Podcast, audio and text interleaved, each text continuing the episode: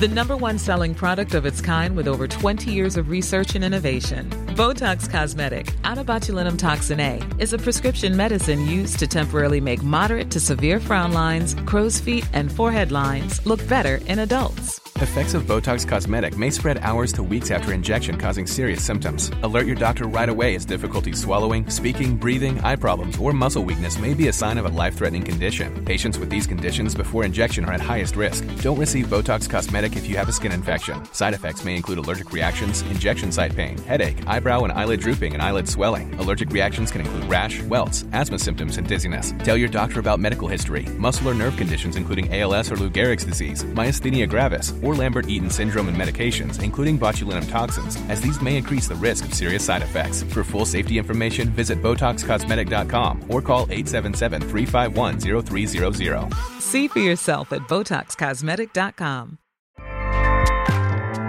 ACAST powers the world's best podcasts. Here's a show that we recommend. Hi, I'm Una Chaplin, and I'm the host of a new podcast called Hollywood Exiles. It tells the story of how my grandfather, Charlie Chaplin, and many others were caught up in a campaign to root out communism in Hollywood. It's a story of glamour and scandal and political intrigue and a battle for the soul of a nation. Hollywood Exiles from CBC Podcasts and the BBC World Service. Find it wherever you get your podcasts. ACAST helps creators launch, grow, and monetize their podcasts everywhere. ACAST.com. Tuttosvenskan presenteras av Unibet, stolt huvudsponsor till Allsvenskan och Superettan.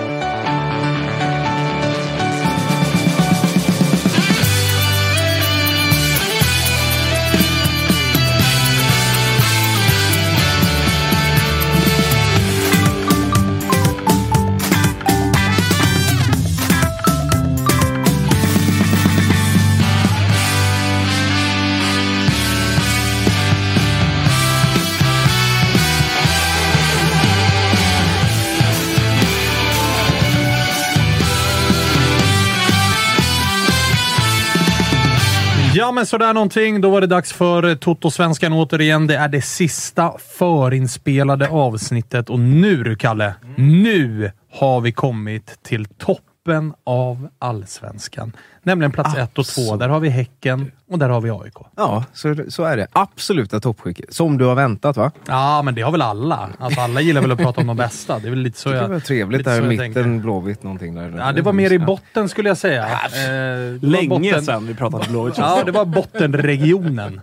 Eh, sen har det varit upp till mitten där vi hittade Malmö och sådär och nu är vi uppe i toppen. Eh, så att vi är tillbaka. Det här är ju onsdagsavsnitt, så att vi är tillbaka redan imorgon med ett riktigt jävla pangavsnitt. Då är det du som kommer ratta August. Du är bortrest. Jajamensan, då är, eh, lite semester. Då är det Lollo och Bernie för mig. All inclusive armband. Ser fram emot... Eh, Viktuppgången. Ja, viktuppgången med liksom materialet därifrån. Förväntar mig att du levererar lite, lite härligt material. Det är du värd tycker jag efter alla dina jävla rivstartsveckor du har avverkat här snart. Mm, det blir mycket bar Uber och hela, hela Jaha, den det biten. vet man. Kanske slå en liten pling ner Alltså, till och med. vet du, Svanen kommer absolut lägga upp en första bar Uber-bilden sedan 2011. När han står och postar i solbrillor Säger inte emot. i den där pisspoolen säger där i, på Kreta eller vart du ska. Ska faktiskt till Ayia Napa. Så jävla sjukt med, med familjecharter på Ayia Napa. Ja, men jag och, starkt. jag och tjejen har sagt att vi kör varannan kväll.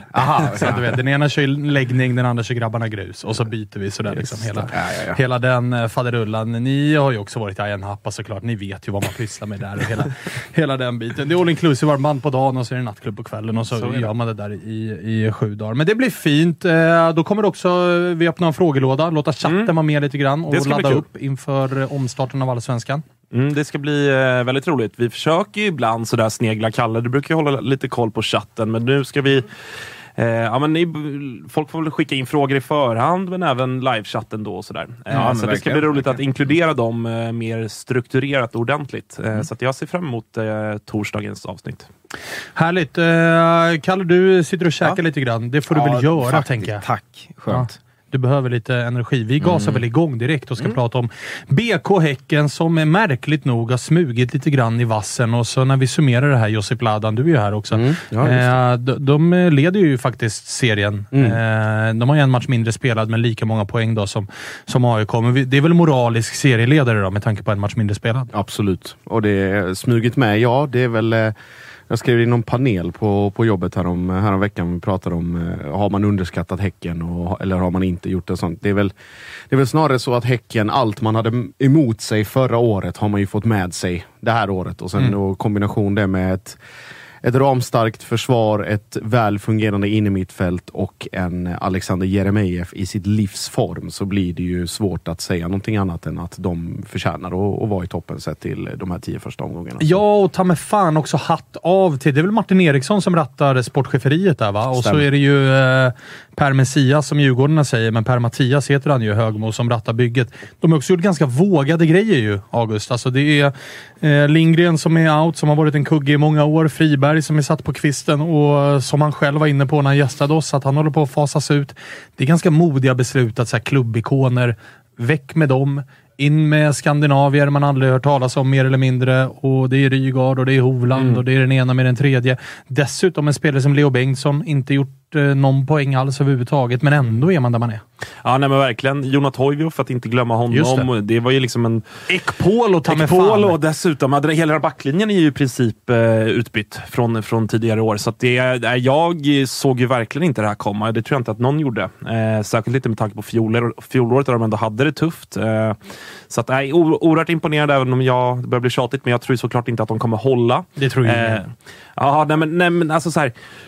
Ser man till, alltså, jag tycker inte att det är oförtjänt att de, att de toppar serien. Det hade varit en sak om man känner att okej, men de har haft sån enorm flyt. Det är klart de har haft flyt. Det har ju alla lag som någonstans är med i toppen. Du har det här flytet där du, eh, ja men deras match mot Sirius när de gör mål i 96 eller vad det är med Degerfors borta på Bern Arena Ja, de nej, sådär. del så de har ju haft stolpe in, men det ska ju så kallade mästarlag ha. Så att, eh, det kanske är eh, bara en, eh, en fingervisning om vart, eh, vart Häckens säsong är på väg. Vem vet? Tror ni eh, Alexander Jeremejeff eh, stannar i Häcken när eh, transferfönstret här i sommar är stängt? Nej. Tydligt. Ja, nej men det är, jag, jag tror väl både han, eh, han är öppen med klubben och klubben med honom om att det finns eh, ett utlandsäventyr kvar i honom. Han har ju varit i, i Holland och i Tyskland och gick väl sisådär i både Twente och Dresden och allt vad fan han har varit. Så att jag är väl helt övertygad om att han, han kommer nappa på någonting som, som dyker upp och då är nog Häcken de sista som, som kommer stoppa honom. Eh, trots eh, tabelläget och trots att man kanske inte har så mycket till alternativ just på den positionen. Eh, Blair Turgott i all ära, men det är fortfarande en bra bit upp till, till Jeremejeff när det kommer till betydelse. Både som, eh, som liksom Häckenspelare, men även som målmaskin, target, eh, omklädningsrum och så vidare. Så att det, Men är det inte konstigt att det inte har eh, sipprat ut någonting? Eller är det jag som har eh, liksom, dålig koll? Eller det, man har inte hört några klubbar det har snackats om kring Jeremejeff? Nej, eller? rätt tyst. Det är rätt tyst, men eh, det kanske också hör ihop med eh, den agentur han nu samarbetar med. För därifrån brukar det inte komma ut eh, jättemycket. Och alls. upplys oss. Vem har han som agent? Eh, full Potential Agency. Ah, Okej, det är ju Rosenberg ju gänget Ja, ju. precis. Ja, men nyligen bytt dit. Rosenberg, Danne Larsson, Safari, va? Berang Safari. Berang Safari, Petter Andersson. Petter Andersson. Mm. Började väl inte som en agentur, utan Petter Andersson var det väl som startade det. Som Mm. någon form av individuell coachning. Någon Bollplanksgrej, typ. Ja, spelarmentor. Ja. eller- och- mental coachning och Ja, hela den just det. biten. Blev agentur. Mm. Och Ah, okej. kombar nu. Nu är det ju både agentur och eh, individuell liksom, mentorskap Ah, och hela den grejen. Mm. Okej, men vi får se då. För de hade ju, alltså... De är ju rätt unga agenter, eh, får man lov att säga. Ganska Mm. färska. Och eh, det vart ju inte så bra med deras första liksom, försäljning, om man säger så. För det var ju, Anel var ju deras stora gubbe. Mm. Blev ju Bordeaux, Mm. vilket ju blev deppigt. Ja, På lån. kom- Ja, kommer, kommer, ja, alltså tycka vad man vill om det. Det kommer ju bli ändring på den fronten ganska snart. ja, men det vart ju inte Atalanta och Napoli och vad det Nej, pratades men om det med är, det är ju ofta så med... Alltså, nu pratar jag som att jag har varit själv, jag har själv varit agent i 20 år, men det, det, är en, alltså, det är en stökig bransch som fan och det är framförallt när det kommer till liksom, de första stora stora säljen man ska göra, då är det ju ofta, eller som ni som alla vet, är ju via Europa, eller så här, klubbar i Europa agerar ju inte, liksom, du förhandlar ju inte alltid med dem direkt. Utan de har ju representanter eller ger folk mandat att göra det.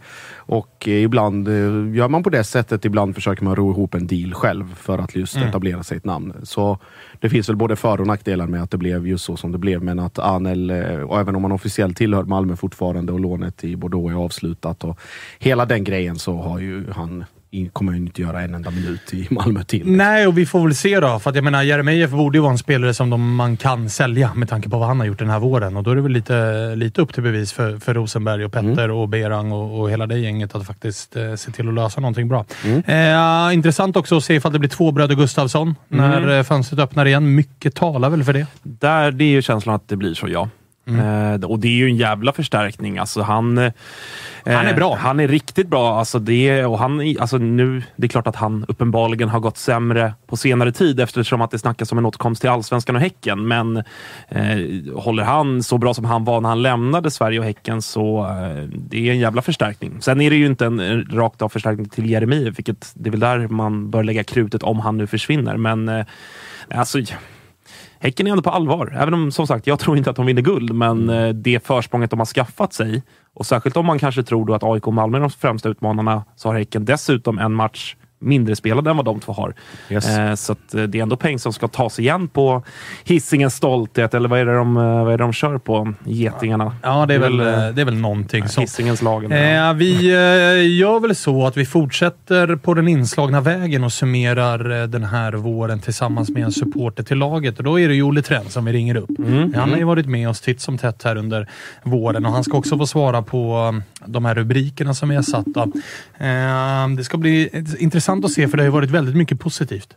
Vad finns Ja. det för negativt att jobba med här? Det, det, det tycker jag ska bli spännande. Nu så har vi med oss Olle. Hallå, hallå. Hur är läget?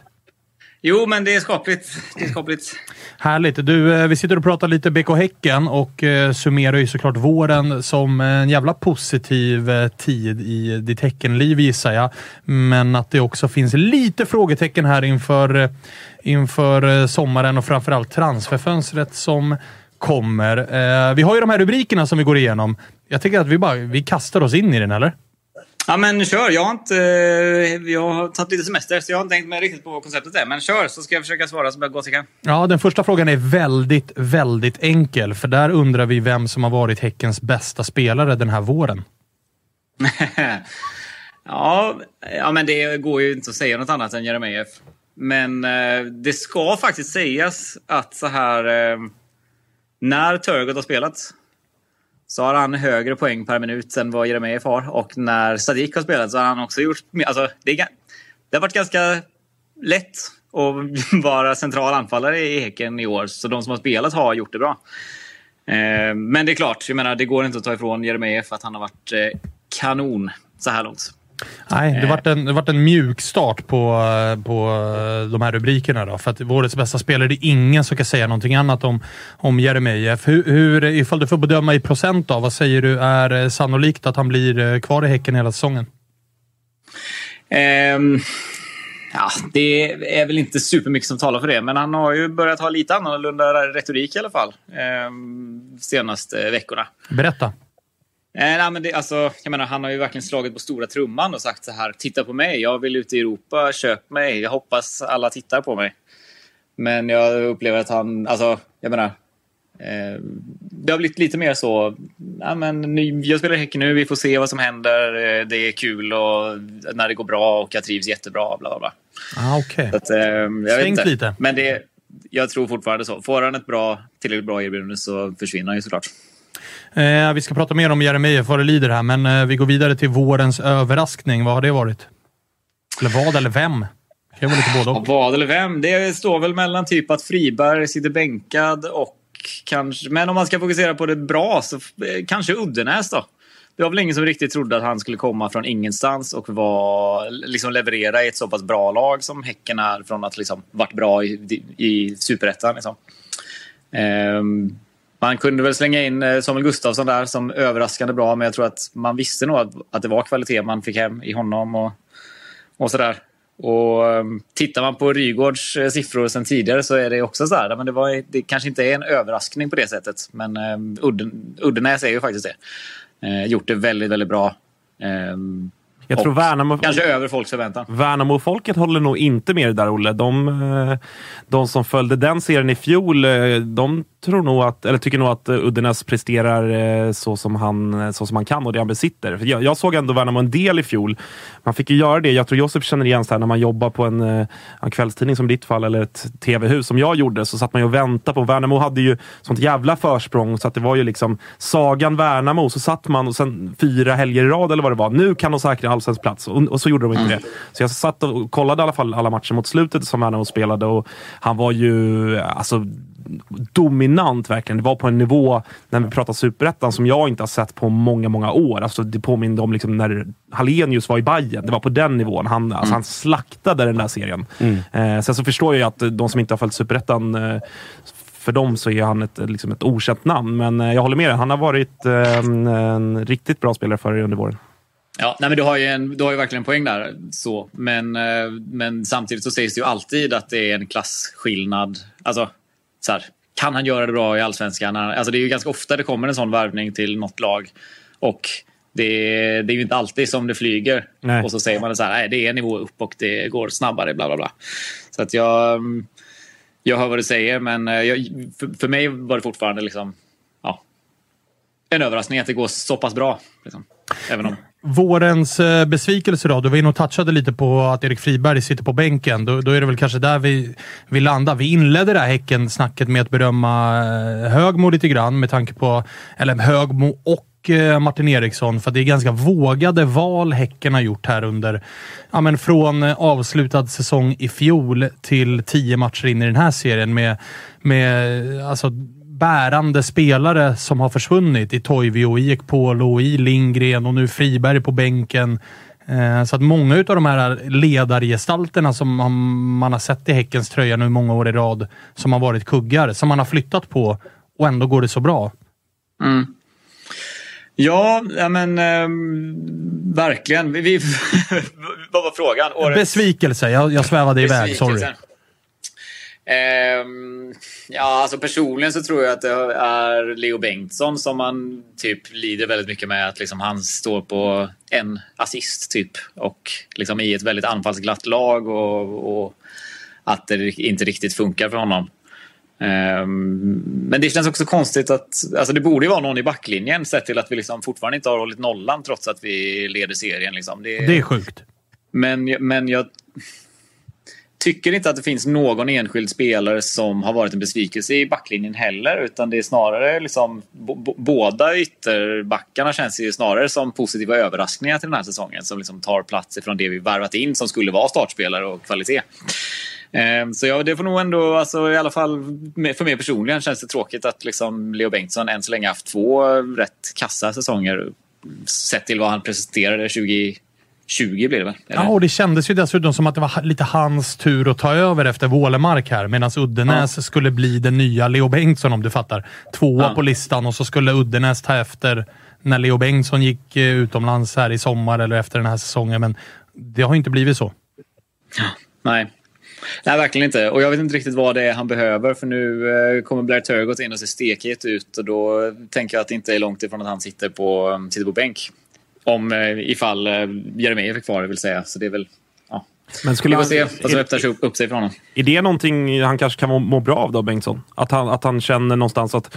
För att där, i, i och med att eh, Traoré gick sönder och allt det där, så han har ju ändå varit väldigt given, Leo Bengtsson, trots mm. att poängskörden har uteblivit. Tror att det, det kan vara sunt för honom kanske att han känner lite eld i baken? Att det finns en Blair Terrorgrott som, som är redo att kliva in om nu, när, när han inte gör några poäng? Man hoppas ju på det. Men eh, jag, vet, jag är inte helt säker på hur hans situation i Bayern såg ut. Men det kändes ju lite som att han blomstrade av att, just att få chansen och att få litas på när han kom till Häcken. Och att det var, jag vet inte. Mm. Um, att det kanske var typ konkurrenssituationen i, i Bayern som gjorde att han inte riktigt lossnade. Mm. Så ja, nej, jag vet inte. Det är jättesvårt, jättesvårt att säga.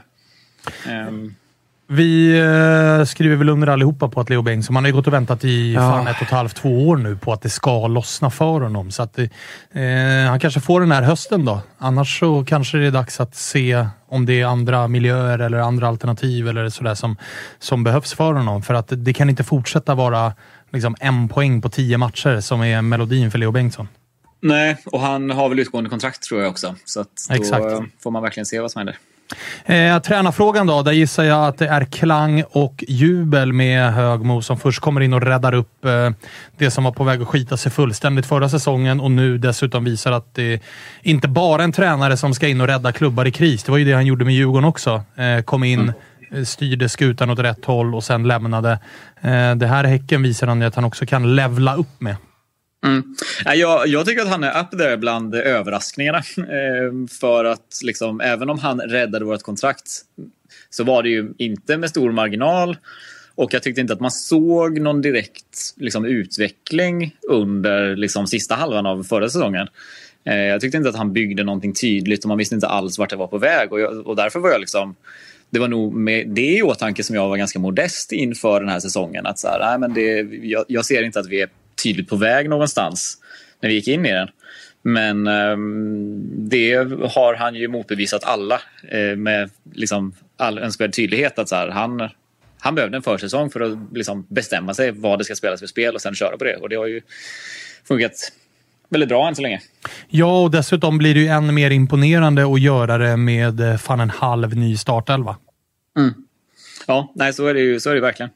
Men jag tror också, alltså jag tycker det är så roligt att lyssna på spelarna. Alltså, det, det pratas mycket om att det är roligt att spela fotboll i Häcken. Alltså att så här, det, är någon, det, är, det är någon slags publikfrieri mot spelarna. Att så här, ja, men det är nog så här ganska många fotbollslag skulle vilja lira. Liksom. Att så här, de offensiva spelarna får liksom verkligen latcha och man får utrymmena och man får liksom köra på det. Eh, och det, det känns som att väldigt många, framför allt i det offensiva ledet, liksom bara tycker att så här, fan vad kul det är att spela fotboll på det här sättet. Och att då är det lätt att få en grupp med sig. Att så här, det är nästan... Alltså, det är inte, det är inte frihopp och lek, men att så här, det, är, det är väldigt schysst på något vis. Eh, att liksom få, få med sig den glädjen i, i match och träning. Liksom. Eh, Olle, finns det, någon, finns det någon risk att, ju, nu är det ju mycket klang och jubel och eh, allt som du säger, spelarna är glada och får göra lite, inte, inte vad de vill, men att det är mycket frihet under ansvar. Finns det lite för mycket, eller finns det någon risk att det blir lite för mycket mysfarbror eh, kring Högmo? Att det är liksom så här, nu ska alla må bra och nu ska alla vara glada och när vi inte är det, hur fan ska, liksom, vad är det för typ av ledarskap som behöver komma fram då? Eh, det kommer väl visa sig här i typ första omgången efter uppehållet. Alltså vi har ju, man ska inte få hybris på hissingen sett till att vi har inte haft något Stockholmslag borta. Eh, vi har slått AIK hemma och vi har slått Malmö borta. Och det, men det är väl de två egentligt stora prövningarna. Ja, vi losar mot eh, IFK. Eh, och det är liksom de prövningar vi har haft. Och liksom, eh, det är ju nu, liksom, tar vi Hammarby borta då, då kan det väl fortsätta vara klang och jubel. Men jag tror att liksom, vi kommer få se det eh, under säsongen. Jag tror absolut att du har en poäng i, i eh, vad du säger. Att så, ehm, laget har inte prövats under motgång än riktigt. I alla fall inte det här laget, även om de som var med från förra året absolut fick sig ett eh, stålbad. Ja, det får man lov att säga. Ja, men, och det, Men, finns, eh, det finns väl, en- det finns väl en, en rimlighet i, i att du ändå känner så. För att jag menar, det har vi pratat om ganska mycket under, under den här säsongen eh, vad gäller liksom många lag. Vi pratat mycket om Hammarby, deras schema inledningsvis och de gick rent och sen så kom det ett par tuffare matcher och då gick det tre, fyra matcher utan att de, utan att de tog tre pinnar. Eh, Så att där fick man ju lite rätt. Blåvitt var lite samma sak. Mycket nykomlingar inledningsvis, tre raka segrar och det var liksom, det skulle bli guldpytt på Ka- Kamratgården och, och sådär. Och sen så kom det tuffare matcher och sen så gick det som det gick. Så att jag, jag, Och när man kommer in i ett sånt stim så förlorar man fler poäng. Då är det inte bara Ja. att man kanske då losar mot eh, eh, liksom Malmö och AIK borta. Utan då får man en skitmatch däremellan också. För IFK som liksom, ja, förlorar poäng mot Varberg och Kalmar och Mm. allt vad det är. Liksom. Att så här, det, och det är, väl, det, är väl den, det är väl den risken man ser på horisonten. Att så här, ja, nu ska vi ha en ganska tuff höst och att ehm, ja, det, får man en formsvacka generellt då jag menar, det är fortfarande en svintajt tabell. Ehm, tre förluster och sen så är man ju liksom, Ja, då är det sen är man ju kval. nere i mitten och, och skvalpar. Ehm, Men du, Nej, så det blir eh, spännande. Ja, det blir det sannerligen. Nästa kategori är sommarfönster in och ut och där pratade vi såklart om eh, Jeremejeff, men vi pratade ju också om eh, brorsan Gustavsson som det pratas om vara på väg in. Det är ju ingen rak ersättare positionsmässigt till Jeremejeff såklart, men, men ponera om det blir det scenariot som alla tror att det blir då, att Jeremejeff lämnar. Behöver Häcken då fylla på med anfall eller kommer man lita på Turgott och, och Sadik som, som de två som ska göra det längst fram med tanke på då att man i så fall fyller på med Gustavsson där bakom? Och då pratar vi Simon. Mm. Eh, jag tror faktiskt inte att man kommer ta in någonting eh, som ersätter Jeremejeff om jag ska vara helt ärlig. Alltså vi, som sagt Turgott, nu hade vi träningsmatch mot eh, något norskt lag igår. Då Sarpsborg va? Ja, Sarpsborg. Ja. Då gör Turgott två mål. Ali Youssef är tillbaka och gör mål efter liksom 20 minuter på plan. Ehm, vi har Sadik som då har någon oklar liksom, eh, hamstring skada som kommer att gå lite. Så att det, det, det kommer fyllas på med folk även om det inte ehm, är värvningar. Liksom. Det är folk som kommer tillbaka nu och som... Alltså Högmo har jag trott väldigt mycket på Ali Youssef. Gav honom mycket förtroende där i, i, när han kom in. Så att, ehm, nej, jag och så. Så- Gillar det eller inte så är ju inte Häcken laget som värvar för guld någon gång riktigt. Utan det är, så här, det är ekonomin först och eh, försiktighet. Ehm, så nej, jag, jag är inte så säker på att det kommer in eh, någon anfallare, även om Jeremejeff går. Och vad gör du av eh, Simon Gustafsson-ryktena då?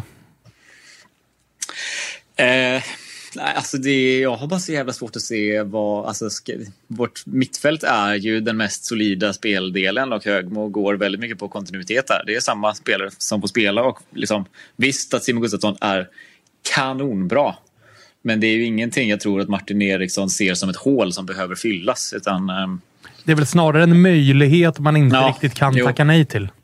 Ja, ja, nej, men så är det ju. Så är det ju. Och jag menar, vill han och, och det inte kostar klubben skjortan så jag menar, det är klart att man ska springa på det. Liksom. Ehm, men ehm, ah, jag, jag vet inte om jag vågar hoppas på så mycket. Men, men ser du att det eventuellt kan bli alltså, lyxproblem? Det är en lagdel som har fungerat väldigt, väldigt bra. Simon Gustafsson kommer ju inte hem till Häcken för att sitta på en kvist bredvid Friberg och, och liksom hoppa in och göra en kvart här och där. Utan han ska in och spela. Där finns redan Samuel Gustafsson. Där finns eh, Berggren och Rygård som har gjort det väldigt bra och det finns ingen anledning att peta dem. Det hade kanske skickat lite märkliga signaler också. Att flytta på en spelare som Berggren som har gjort det väldigt bra för att Simon Gustafsson ska in. Kan det bli lite? Det har varit mycket liksom myspys och det är glädje och liksom alla mår så bra. En spelare till in där kan ju göra att det snarare då kanske blir lite disharmoni. Att säga hej, varför flyttar du på mig när jag har gjort det väldigt bra? Eh, den grejen. Ja, och långsiktigt så vet jag... Alltså nu är ju inte han någon veteran som ska gå i pension riktigt. Men, men, men jag menar, jag hade ju gärna sett att eh, Amanda Romeo fick spela till exempel. Jag menar, det är en fram... Alltså man måste tänka längre än den här säsongen. Och vi ska, inte, vi ska spela så mycket unga spelare vi kan. Och det är till och med en liksom klubbens linje. Att så här, vi, vi, vill, vi vill spela med spela ungt. Ehm, och då sitter det plötsligt liksom ett gäng åldrade män på mittfältet och bara håller borta de unga spelarna från, från spel. Eh, så det är klart, det kommer, det kommer kunna bli gnälligt så. Ehm, men ja, nej, som sagt, det, är- det, är- det är lyxproblem. Man, eh, mm, man måste ju gå för Simon Gustafsson om man har chans på honom. Han skulle ju vara liksom bland de bästa i allsvenskan utan tvekan om han kom in. Jag tror det finns en överhängande risk för att klubben någonstans i bakhuvudet också tänker på att Gustav Bergen kan försvinna. Ja, jo, men det finns ju en överhängande. Han har ju börjat, faktiskt börjat göra poäng den här säsongen. Precis. När han eh, ges en lite mer offensiv roll. Eh, och det unnar man verkligen honom. Ja, han har väl förlängt sitt kontrakt två eller tre gånger och Mm. varit på lån och haft sig. Så liksom han, har, han har verkligen varit en trotjänare i liksom fem, sex år. Eh, så ja, han kan absolut försvinna och det skulle jag tycka var jätteroligt för Gustav Berggren. För han har väntat på den, det tillfället länge. Och då plötsligt finns det en lucka. Ja, så Ja, blir det så blir det. Eh, du, förutom eh, Gustav Berggren och Jeremejeff då, eventuellt out och eh, Simon Gustafsson eventuellt in. Ser du att Häcken eh, kommer agera på ytterligare fronter, både in och ut här under sommarfönstret? Eller är man, är man, är man rätt nöjda som läget är? Nej, jag tycker att liksom, ehm, truppen fortfarande är ganska komplett. Som sagt, på ytterbackspositionerna så sitter det dunderkvalitet på bänken och väntar på att få sin chans. Eh, det och mitt, mittbackarna, jag vet inte. Det känns också ganska stabilt och hela anfallet har ju skött sig exemplariskt under de första tio omgångarna. Så jag, nej, jag, jag tror det kommer att stå ganska still i, för Häcken i, i transferfönstret, om man ska vara ärlig. Och då har jag en sista fråga till dig och det är eh, om det går att ge någonting annat än 5 plus till Häckens vår. För det är nämligen det vi har. Betygsätta vårsäsongen med skala 1 till 5. Nej, det, alltså jag, jag, kan inte se något annat. Alltså, jag menar, det har inte varit hundraprocentigt. Som sagt, om man tittar på defensiven och sådär. Men jag menar, om man vinner sina matcher även med, med det spelsättet liksom, och att kanske släppa in alltså, ja, det defensiva så kan jag fortfarande inte se det som något annat än högsta betyg om man leder serien. Liksom. Om jag säger så här då. Om, om, man, om man som Häcken-supporter hade satt en fyra med motiveringen att vi torskade hemmaderbyt mot Blåvitt. Mm. Um, nej, jag... Det, nej. Alltså, det var ju... Jag lekte med tanken bara. Att plocka. Och nej, jag, det, är, det är ingenting jag går och tänker på. Nej, nej, nej, jag ville bara bolla den med dig. Det är du som ja. sätter, sätter betyg. Jag tänkte bara om det var någon form av nagel i ögat här under vårsäsongen så kanske det är den. Nej, men nageln i ögat är ju just defensiven. Att man fan aldrig får vara lugn och fin. Det känns aldrig som att så här, oj, det här, det här ordnar sig för att plötsligt så bara trillar in skitmål bakåt. Eh, det känns inte som Ja, men det är klart vi har haft några stabila segrar men, eh, men fan som supporter har man hjärtat i halsgropen hela tiden för att just varit svajigt bakåt. Um, så möjligen med den motiveringen då att så här, ja, men man kan inte man kan inte, inte hålla en enda nolla på tio matcher och få högsta betyg. Det skulle väl vara det i så fall.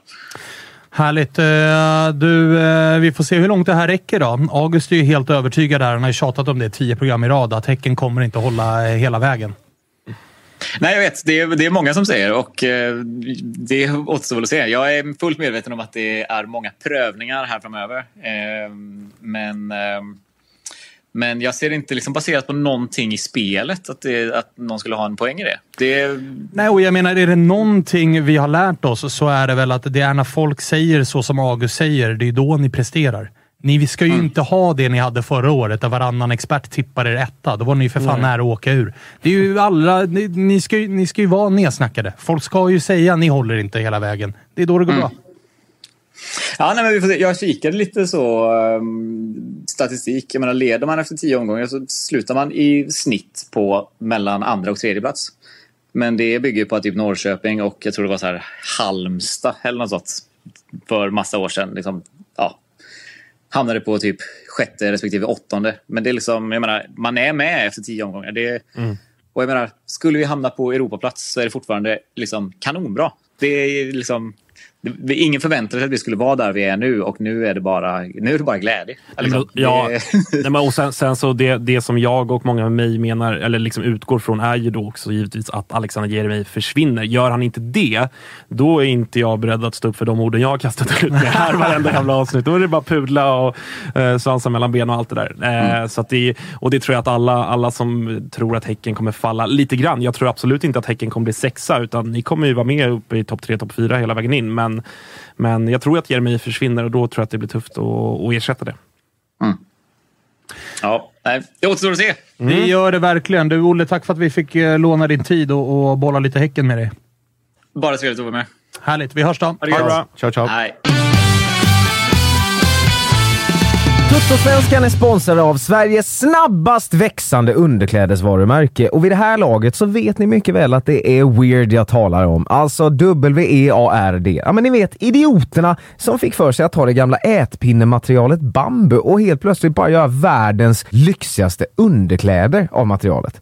Plötsligt har man då sett till att bambu numera är framtidens material. Nu är det slut på tiderna när man satt och beklagade sig över sina sladdriga, trötta gamla bomullskalsonger. Ja, men ni vet de där man hittar längst ner i lådan när det börjar nackas tvätttid i hushållet och istället bara byter ut hela underklädesgarderoben och fyller upp den med premiumprodukter från Weird. Och hur ska man göra det då? Jo, Man använder givetvis koden SVENSKAN30 när du lägger din beställning. För då får du sjuka jävla 30% rabatt på allt! Ja, men ni hör ju, inga ursäkter längre, utan in på weird.com, alltså w-e-a-r-d.com och lägg er beställning. Och vi på Tuttosvenskan, vi säger stort tack Weird. Klang och jubel är vad det är, nere på Hisingen. Men det blir ju det, det, det är som man är inne på, de är ju ändå väl... De har ju inte drabbats av hybris.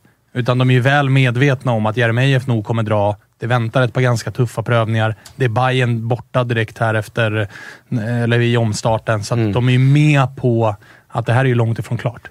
Ja, ja, ja. Och allt annat hade de suttit och sagt att det, att det var klart så hade man ju höjt både på ett och två ögonbryn. Ja, det är väl... Jag tror att det, om det är någonting Häcken har lärt sig och fått med sig, i alla fall från, om vi bara tittar förra året, så är det just att det är så här, vi kan inte påverka vad folk tycker om oss eller vad, liksom, vad, vad förväntningarna är eller någonting. Utan det enda som kan motsvara de förväntningarna vi har på oss själva är vi själva och ingen annan. Så att det är väl nog bara det att man är extremt medveten om vad man är, oavsett om det går bra eller dåligt. Och sen så jobbar man utifrån de premisserna. Jag tror inte det är svårare Men och sen är ju faktiskt det vi var inne på med spelschemat är ju faktiskt någonting att ha i beaktning. Alltså de har mött de, två Två matcher av tio är mot topp fem lag. Resten är nedanför det. Mm. Så att det, det är ju faktiskt en, en rimlig grej att ha med sig när man ändå bedömer. Sen, sen är tre poäng tre poäng. Och, alltså, så att man ska inte ta ifrån dem någonting, men det är ändå någonting att ha med sig. Ja, och det är, han ju, det, är han ju, det är ju Olle absolut med på själv Exakt, också. Att exakt. Övningarna har inte riktigt Nej. kommit ännu. Så att det blir, jag- Men det blir jävligt intressant att se här nu i sommar, för de har ju en ganska tuff sommar Ja. redan. Ju. Däremot, så de två lagen de har mött som är topp fem, eller i toppskiktet, det är ju Malmö och AIK som man har spöat. Exakt. Japp. Och den matchen mot Malmö var jag faktiskt och jobbade på och där fick Häcken efter, redan efter två minuter matchen precis dit de ville. Eh, Det var liksom, ska man spöa Malmö så ska man spöa, det på, spöa dem på Malmövis. Det vill säga var gnällig, var jobbig, spring runt domaren, spring och tjafsa med Malmö-spelare, ta tid, alltså så här, ta sekunder var du än kan få tag i dem och sen straffa Malmö stenhårt vid läge. Och det gör man också. Det är två mål och det är två kontringsmål. Och, Och mot AIK var det tre poäng och inget snack om saken. ja. Eh, så, det. enkelt, eh, så enkelt var det. Eh, hörni, han var inne på eh, Leo Bengtsson ju, som ju eh, har varit lite av en besvikelse den här våren i ett tecken som har gått jävligt bra. Enligt den appen jag kollar så står han på 0 plus 0. Eh, möjligt att det har trillat in någon assist på någon annat sätt eller via någon annan app. Det är ju lite olika hur de räknar där. Men eh, vi ska göra så att vi ringer upp Leo Bengtsson och kollar vad han säger om dels sin egen vår, men också om Häckens. Där har vi med oss honom. Leo Bengtsson, hur är läget? Det är bara bra. Hur är det själv? Det är alla tiders får man lov att säga. Vi eh, gör ett avsnitt här med de två serieledande lagen, Häcken och eh, AIK, där vi ändå får säga att Häcken leder allsvenskan med tanke på en match eh, mindre spelad och så säkerligen lite bättre målskillnad och, och allt sånt. Ni är igång igen efter lite ledighet. Vad eh, har du gjort på ledigheten? Eh, nej, jag har bara varit i eh, Stockholm. Eh, träffat familj och vänner. Så det var bara Stockholm för mig och sen så eh, har jag varit tillbaka nu och varit och, eh, på ett läger i Smögen. Eh, spelade en match igår i Norge och sen så kom vi tillbaka till Göteborg igår kväll. Så jag har varit ledig idag. Härligt. Uh, fan eh, Josip, jag känner att myten om att alla fotbollsspelare drar till eh, Ibiza och Palma och sånt här så fort de får ledigt, den har dött lite under tiden vi har kört här. Nej, det vet fan. Det är, alltså, det är, det är Dubai på vintern. Det är Dubai på... Leo vet. Dubai vintern. Marbella sommaren. Om man inte är liksom lite så, fan jag har inte varit hemma på länge. Kanske ska du vet, så här, plocka lite bonuspoäng hemma hos mamma och pappa. Så, du vet. Så, det, Ah, okej. Kolla, han garvar. Han vet. Ja, han vet. ja. Det är korrekt. Det är korrekt. Ja, okej, okej, okej. Eh, Du, eh, våren för Häcken. Det har inte skrivits och pratats jättemycket, men ni toppar ju tabellen. Eh, vi har pratat lite grann om att det har varit eh, imponerande med tanke på stor spelarruljans och, och hela den grejen. Vad, vad känner du själv när du summerar eh, ditt lags vår? Eh, nej, men det är som du säger. Vet, det har väl inte skrivit så mycket, men vi har väl känt i laget att det har känts bra. Vi hade väl vi hade en fin start där mot AIK. och Sen efter det så hade vi väl... Hade kommit Degerfors, sen så åkte vi på en förlust mot Göteborg och ett kryss mot Helsingborg. Och sen efter det så tycker jag att det rullade på bra. Men det var väl inte så att man, man gick och tänkte, på, tänkte så mycket på serien utan det var mer att man tog, vi tog match för match. Och, det rullade på bra och vi har verkligen hittat, eh, hittat en bra kemi i laget som eh, har gjort att det rullat på bra. Eh, vi pratade med eran eh, gode supporter Olle Trens som också var inne på att, så här, att det har varit bra, absolut, men det gäller att inte på något sätt här sväva iväg.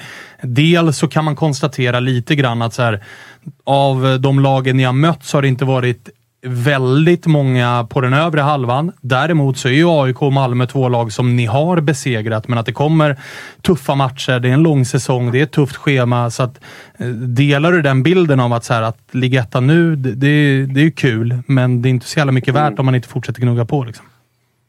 Nej, det, så är det absolut. Uh, det spelar väl absolut ingen roll att ligga etta efter, ett, eh, efter sommaruppehållet utan det är ju när eh, serien är slut sen som man ska ska vara, ligga där i toppen. Så att eh, fram tills nu så har det känts bra och det som du säger, vi har, vi har mött AIK och Malmö där som är med i toppen och det finns fler lag som... Så det kommer tuffa matcher nu så det gäller bara att vi, vi fortsätter att köra på. Inte svävar iväg utan verkligen gör det som vi är bra på och eh, jobbar hårt för varandra. Hur eh, mycket tjatar ni på eh, Jeremejeff då om att eh, kanske fundera på den där utlandsflytten till efter säsongen? För att allt han rör vid än så länge har ju slutat med mål för Häcken. Ja, men så är det. Eh, nej, det är väl inte så att man tjatar på honom om det. Man, eh, man är tyst och eh, hoppas att det blir så bra som möjligt för honom. Eh, om han stannar här eller om jag, ingen aning. Men eh, det är en riktigt bra fotbollsspelare som har varit eh, enorm i första halvan. Så att, eh, vad som händer nu eh, får vi se. Jag hoppas att han, eh, oavsett vad som händer, att han fortsätter att göra, prestera och göra det bra. För egen del då, vad, vad, känner du själv när vi summerar de här första tio matcherna om din egen prestation här under våren? Nej, men det har varit eh, sådär upp och ner. Eh, men i det stora hela så har det känts bra. Eh, har väl inte fått med mig mina egna poäng och så, men i spelet och har det känts bra och eh, ja, det är klart att det har flyttat på liksom för, för hela laget så att det, det, har, eh, det har känts bra. Det har väl bara varit poängen som man har saknat. Men i det stora hela så har det känts bra. Kan det störa? Jag menar, du är ju en offensiv eh, ytter. Du befinner dig ofta i och runt motståndarnas straffområden. Är det någonting som skaver lite grann att poängen inte trillar in eller suddas det ut för att laget vinner? Om du förstår vad jag menar. Att så här, vissa spelare kan ju ja. vara så här, om man torskar med 3-2 men man själv har gjort båda målen, då kan man ändå lämna planen och säga hej, jag, jag gjorde ju mitt här. Jag gjorde ju två kassar. Eh, Medan om man mm. lämnar planen mållös, men ni leder ändå serien. Så jag kan tänka mig att man brottas lite grann ändå som liksom, offensiv spelare, att man vill ju också göra poäng. Jo, jo såklart. Så är det ju. Eh, det är klart att det alltid finns med där och att det är vad man vill göra, men det är klart att det blir enklare när, när laget vinner och eh, det går bra. Eh, så att då, då är det väldigt det är mycket enklare då liksom att släppa det och gå vidare och fokusera på nästa match. För jag vet ju att jag, jag kommer till lägen och eh, så att det är bara att man fortsätter så kommer det komma. Liksom. Eh, jag tänkte på, på, det har ju varit lite rokader i, i laget Leo. Det har ju kommit in i en, eh, eller va, halva jävla Skandinavien är inne. Det är Totland, och det är Hovland och det är Rygård och alla möjliga. vad, vad har de här eh, spelarna liksom bidragit med förutom sin rutin? För det är ändå liksom folk som har varit med ett tag i, i andra sammanhang. Men vad, vad har de bidragit med rent konkret för, för ert spel?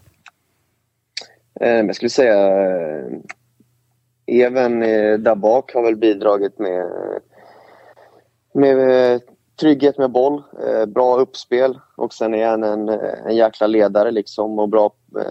Det är vår kapten liksom som pushar på där bakifrån och sen Rygaard tycker jag kommit in och eh, visat eh, prov på jäkligt fina kvaliteter, trygg med bollen. Eh, ja men exakt, passar väldigt, väldigt bra in i, i Häcken liksom som, som vi spelar nu med, med mycket bollinnehav och en fin vänsterfot. Eh, kan slå väldigt många avgörande passningar. Eh, skapa skapa vet du, lägen på egen hand och, och så vidare. Och sen Totland, det är en, eh, ja, springer fram där längs kanten, upp och ner och en fin högerfot. Eh, men också samma där, liksom, trygg, trygg med bollen, en bra, en bra spelare. Så tycker väl att allihopa har värvats in och eh, visat eh, att det är liksom bra, bra bollspelare och har hjälpt, hjälpt oss väldigt mycket till att ha bra bollinnehav i matcherna. Är du, eh, förstår frågan rätt här nu, men är du förvånad själv över hur bra det har gått för er den här våren med tanke på, vi pratade om det eh, innan vi ringde dig här och med Olle och så, att det, det är ändå ett tecken mm. som vi minns. Du var ju med förra året när det gick eh, ganska tungt under ganska lång tid. Det blev ett tränarskifte. Sen under vintern här så har det ändå försvunnit, alltså ganska rutinerade, tongivande och jävligt bra spelare i Lindgren och Toivio och Ekpol och Friberg är satt åt sidan här under inledningen på säsongen. Wålemark försvinner. Alltså det är ganska tunga namn som har lämnat laget. Tittar man på startelvan som avslutade förra säsongen så är det ju fan mer eller mindre en, en, ett halvt nytt lag och tio matcher in toppar i serien. Alltså här, och jag, för jag menar, det, det är en ursäkt. Vi har pratat om Djurgården tidigare, där det har varit lite av en ursäkt att så här, ja men fan halva laget är nytt och det har hänt. Vi har gjort stora rullianser och hela den grejen. Det tar lite tid innan det sitter. Så kan det ju låta om det går lite dåligt, att man skyller lite grann på det. Medan ni är beviset för att det behöver inte alls bli så jävla dåligt för att det är mycket nytt. Men jag tror inte att ni gick in i säsongen och kände att vi toppar serien efter tio omgångar. Så om du är med på frågan, att är du förvånad över att det har gått så bra som det har gått? Eh, förvånad, det vet jag inte om det men det är klart att man inte kanske tänkte det innan, innan serien började. Eh, vi hade ju ändå en ganska eh, tuff försäsong men eh, där vi liksom från start eh, la en grund och en spelidé om hur vi skulle göra och efter det så kom det in spelare som eh, snabbt fattade den spelidén. Eh, sen så ja, i kuppen och träningsmatcherna så klart att det kändes väl inte så här, att man bara, där vi ska leda allsvenskan eh, fram till sommaruppehållet. Men sen så får vi en bra start där mot AIK. Det höjer självförtroendet och eh, ut, efter det så har det väl bara trummat på. Eh, men det är inte så att jag är förvånad för att jag har ju sett, man, vi tränar ju liksom dag ut och dag in och jag har ju sett kvaliteten vi har på laget så det gäller ju bara att vi skulle, ha fått, skulle, få, skulle få allting att klaffa och det har vi verkligen fått. Härligt. Eh, du, en eh, sista fråga tänkte jag ställa, men Josip har någonting här också. Eh, ditt, eller för egen del, hur ser tankarna ut om framtiden? Du har ett kontrakt med Häcken som går ut efter den här säsongen om jag har förstått saken rätt. Det betyder väl att det, vi närmar oss ett halvår kvar. Är det något snack med klubben redan nu om att förlänga det eller hur går, hur går tankarna och surret där? Eh, nej, men vi, det går bra. Vi har en en bra dialog. Eh, jag tänker inte så mycket på det nu utan det är mer min, eh, min agent och Häcken som eh, sköter det snacket. Eh, och jag och klubben har eh, bra snack och jag vet att de har bra snack med min agent. Mer än så lägger jag inte så mycket fokus på. Ah, Okej. Okay. Josip, hade du något mer ja, att komma med? Har en, en sista fråga. Jag har en eh, kompis med ganska, ganska mycket hårproblem. Alltså så keff frisyr och sånt. Eh, så han undrade om det finns någon, någon, spelare i Allsvenskan med krispig fade och var man i så fall kan hämta den om man bor i 031-området. Usch! Ja, du ser. För er som tittar nu. Ja, det är, det är mycket krispigt. Ja, det är klassfade. Ja. Har du någon shoutout till någon frisör i Göteborg så jag vet att jag kan skicka honom utan att skämmas? Legends. Legend Barbershop här på Hisingen. Det är klart det var hissingen som Ja, ja, ja, för fan. Han åker ja. inte över Göta älvbron i onödan. Den där. Nej, jag tänkte ja, säga då får vi skicka Jocke dit, men det är ju ingen idé. Med hans jävla hårfäste. Ja, nej, det går inte. Det går inte. Det går inte. Nej, den där fejden, den uh, sitter du bra på. Mm. Ja, det är bra. Krispigt.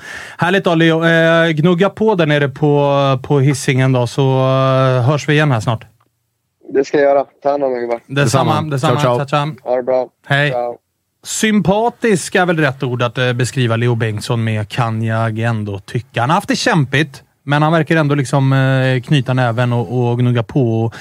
Häcken har ju ändå gått bra, så att jag menar det är ändå lätt att må bra. Vi har haft andra spelare. Alltså, titta på Astrid Selman i Hammarby förra säsongen. Bayern gick ganska bra, han gick ganska tungt. Det är ganska lätt att luta sig tillbaka på det. Så att räddas ju lite grann utav eh, att Häcken har gått eh, som tåget. Och intressant att se då vad det blir för höst. Alltså, man ska ju absolut inte ropa hej ännu. Vi har ju sett spelare. Wålemark gjorde väl ingen jättevår i fjol. Vi minns hans höst. Mm. Och den där typen av spelare har ju en förmåga att faktiskt kunna explodera. Det händer någonting. En boll trillar stolpe in och sen, sen är poängskörden igång. Exakt, och det är framförallt om, om det kommer till ett läge då som vi pratade innan att Jeremejeff är borta. Då krävs det också att eh, de som är kvar i, i klubben och, och kör på och gnuggar i 30 omgångar kliver fram. Om det är Sadik eller om det är Turgott eller om det är Leo Bengtsson för den saken skulle det spela nog mindre roll. Det är väl mer bara att eh, spelarna själva måste vara medvetna om att okej, okay, nu finns det en lucka på 10 mål att fylla här och det är bara upp till mig om, om det ska vara jag eller om det ska vara den jag passar fram. Poängen, poängen ska ju liksom, de ska göras. Men du som Malmö-supporter, hur surt är det att se Uddenäs vara riktigt bra i Häcken? Det är ändå en av era gubbar. Ja, liksom. det är klart det är, men det är också samtidigt, jag pratade precis, eller exakt om detta med, med en kompis, att Malmö har ju varit väldigt bra på att, eh, att liksom säga ja till rätt spelare och säga nej till rätt spelare. Det är ju, Uddenäs kom ju fram, eller han var ju, lämnade ju till och med Malmös P19 för Spall i Italien och sen kom tillbaka och sen gick till Värnamo där han tränades av Robin Asterhed, numera chefscout i, i MFF. Så det är väl egentligen, om man ska använda det uttrycket, the one that got away. Alltså en av få som, som har gått genom eh, MFFs led och sen eh, lyckats få en, en bra karriär trots att han har fått nej från, eh, från Malmö och till och med nästan alltså, nu bättre. Och han, han var ju väldigt glad i det själv när jag pratade med honom efter, efter Malmö-matchen. Och han liksom, vad han sa uttryckligen, att jag har längtat sen den här, alltså till den här matchen sen jag skrev på för Häcken. Och så är det ju alltid. De vill ju bevisa sig. Ja, och fan, vad han, och... och fan vad han bevisade sig eh, i den matchen. Så att det var väl, det var väl extra, extra surt och släkten är värst och hela den grejen mm. där och då. Men eh, att, att, det finns, att det finns karaktär och att det finns pannben och att det finns liksom väldigt mycket fotboll i Oskar Uddenäs. Det går inte att, det går inte att ta bort. Och sen så om det blir att han kommer, om han kommer till Malmö i, i framtiden eller om det blir om något år eller om han inte dyker upp alls, det återstår att se. Men det, är väl, det, det smärtar väl lite grann att det, att det går så bra i en direkt konkurrent som, som Häcken är nu. Det förstår jag. Eh, vi lämnar väl Häcken med eh, Olle och med Leos eh, ord och vårat eh, lilla surr om det och så går vi vidare till ett annat svartgult gäng, nämligen Gnaget. Agge, vad säger du om våren? Ja, men den har ju som brukligt i AIK varit både upp och ner och det har funnits perioder, eh, det kan man inte tro när vi trots allt eh, liksom delad serieledning där eh, ja, Bartos lite grann har fått sig ett par kängor från supportrar och man har ifrågasatt eh, lagbygget och sådär och ändå så står vi och är med där uppe nu och har gjort den bästa våren på många, många år i känslan. Våren brukar inte vara AIKs eh, årstid. Eh, så att över det stora hela är det jättesvårt att klaga med tanke på att vi, ja, vi är delad, delad serieledare. Eh, sen så finns det ju en del frågetecken trots allt. Eh, och eh, ska även bli intressant här i sommaren i och med att Jordan då förmodligen försvinner. Det vet vi inte, men, men det, vad det verkar. Eh, och John ska in på den positionen, vilket såklart blir eh, jätteintressant. Där kom den där lilla, lilla trudelutten också. Nej, men det har ju varit en eh, ja, ganska svängig vår utifrån att AIK återigen visar sig vara ett jättebra hemmalag med lite svagare bortalag. Så att man kastas ju varannan vecka sådär mellan hopp och förtvivlan. Hemmamatcherna så är det klang och jubel och det är tre säkra pinnar mot i princip vilket lag som helst. Och så borta så så ser det lite sämre ut allt som oftast. Så det är väl det som är, är liksom frågetecknen. Men eh, liksom overall bra vår på många sätt. Det som var oroande var ju framförallt inledningen på bortaplan som mm. ju var 4-2 i baken mot Häcken och sen på det då, resa ner till Malmö och, och 0-3. AIK hade ju med facit i hand också ett jävligt tufft inledningsschema med de tre första Häcken, eh, Norrköping, mm. Malmö på det. Bara bara tre poäng i en ganska, ja, men ganska dålig match hemma mot, eh, mot Norrköping. Så efter de tre första matcherna då var man ju orolig att så här, vart står AIK mm. egentligen? Sen har man ju successivt räddat den här våren och min känsla utifrån så där är ju att AIK nästan gick in med lite för hög svansföring om att vi ska spela en sån offensiv fotboll och man blev nästan straffade Alltså sju insläppta mål på två bortamatcher, de två första bortamatcherna. Det vart ju verkligen som en smocka i, i ansiktet på, ja men kanske framförallt Bartos, men också resten av laget. Det var nästan som att man hade glömt sin egen identitet. Sen har man hittat tillbaks till den mm. och börjat bygga långsamt, sakta men säkert offensivt. Det är många, det som det inte snackas jättemycket om, AIK högst XG i mm. allsvenskan. Mm. Det är fan inte likt AIK att vara ett lag som skapar mycket målchanser. Mm, nej, verkligen inte. Och det är framförallt som du säger, den här smockan var väl mot Häcken och, och framförallt Malmö var ju direkt nödvändig för att uh, liksom få någon form av reality check. Sen är ju AIK alltid, även för oss, framförallt för oss utifrån, alltid ett evigt limbo mellan total misär och uh, vansinne, vansinnig hybris. Mm. Så att, men det slog väl tillbaka på rätt sätt för en gångs skull. Att det blev liksom back to basic basics och typisk liksom AIK-grisdefensiv, 1-0 och försvara och omöjliga att göra mål på. Och det har ju varit framgångsreceptet i åratal, framförallt på hemmaplan. Och det är Malmö-matchen som tydligast exempel på det. Pang 1-0 och sen fick Malmö knappt låna boll, eller Malmö hade mycket boll men fick knappt iväg ett skott och sen 2-0 i slutet och sen godnatt. Eh, så det är, väl, det är väl signifikativt. Sen framförallt det som är mest imponerande, återigen för oss utifrån eh, den här våren, är hur de här ledande spelarna, eller de som ska kliva fram, verkligen har gjort det också. Det, det saknas inte ledarfigurer i AIK, det saknas inte karaktärer. Men ofta kan det bli så med så mycket Eh, jag ska inte säga egon, men så mycket vilja och, och, motivation och liksom vinnarskallar att det slår ut, att det blir fokus på fel saker. Det blir fokus på, fan vet jag, gräskvaliteten på Friends eller på någon domarinsats eller på bortaspel eller alltså sådana saker. Det kommer alltid fram, men det, är inte, det känns som att det är inte är lika stort fokus på det hittills, de här tio omgångarna som det kanske var framförallt i slutet av förra året. Det där var och varannan mixad zon efter matchen pratade om att man skäms för, för klubben och tycker synd om supporterna som behöver bevittna det här på bortaplan och fan och hans moster. Liksom. Det, man har slutit sig lite grann och valt att så här, okej, okay, men det enda vi kan, liksom, som vi pratade om Häcken innan, det är liksom det enda vi kan påverka i vår prestation vi måste tro på det vi gör och eh, ta ut det på, på planen och det har, man, det har man gjort. Så det är bara att lyfta på hatten. Ja, och bortaspelet har ju faktiskt, alltså Helsingborg och, och eh, Giffarna eh, har ju varit ganska stabila segrar i slutet av dagen när, vi, när man summerar dem. Helsingborg vänder man 1-0 i, i paus till seger. Med, och det hade inte hänt i höstas. Nej, det hade det definitivt inte gjort och Giffarna städar man av på bortaplan på ett sätt som man inte gjorde i höstas med, mm. med lag som Örebro och Degerfors som också var bottenlag då. Så att de har, jag tycker ändå Bartos AIK har visat att man har utvecklats. Man skapar mer målchanser uppenbarligen. Man har blivit bättre på bortaplan. Och då kanske man behövde de här två smällarna mot, eh, mot Häcken och Malmö för att faktiskt veta vart problemet sitter. Ja, nej, men jag är lite tudelad med det där. Å ena sidan håller jag med dig att, att den typen av avstädning som det ändå är mot Sundsvall och alltså, jag tycker ändå det är någonstans mot Helsingborg också. Även om det är resultatmässigt och vi har underläge i paus och allt det här. Det satt hårt inne, men det var ju liksom ja, men inget det, snack. Ändå. Nej, nej, men exakt. Det är en väldigt rättvis seger och det borde ha blivit någon boll till där i, i slutet. Och sådär. Men med det sagt så tycker jag väl ändå att det är kanske två av seriens sämsta lag vi slår jag skulle inte, det är inte så att jag går in inför sommaren och hösten nu och känner att eh, att AIK på bortaplan känns ändå tryggt. Liksom. Jag tycker jag, det finns fortfarande frågetecken. Jag vill se fler prestationer över tid på bortaplan mm. för att jag ska känna att okej, okay, nu har vi tagit det där steget. Vi har lämnat det där riktigt dåliga bortalags-AIK som vi såg under fjolåret. Eh, så att, eh, absolut steg, steg i rätt riktning, men ändå, ändå liksom, ja, lite frågetecken kvar för min del innan jag ska känna mig helt trygg. Det som är eh, positivt också är ändå att vi får ge det till Jurelius, att man löser det väldigt bra. Det var många utifrån som satt och garvade. Det var många av oss aik som satt och slet vårt hår när John Guidetti inte blev klar på fönstrets sista dag. Man reparerar det genom att bara någon dag senare presentera Jordan Larsson och där har ju faktiskt blivit, ja men kanske den Rysslands hemvändande svenska eh, fotbollsspelare som väl har gjort det. Ja, Dennis Hadzikadunic har gjort det väldigt bra i Malmö FF också. Det är väl de två tycker ja, jag, som har gjort det allra ja, bäst. Lätt. Eh, ifall vi räknar in Gigovic, Dagerstål, Sedak Sabanovic så är det de två som har gjort det, mm. som har gjort det väldigt, eh, väldigt bra.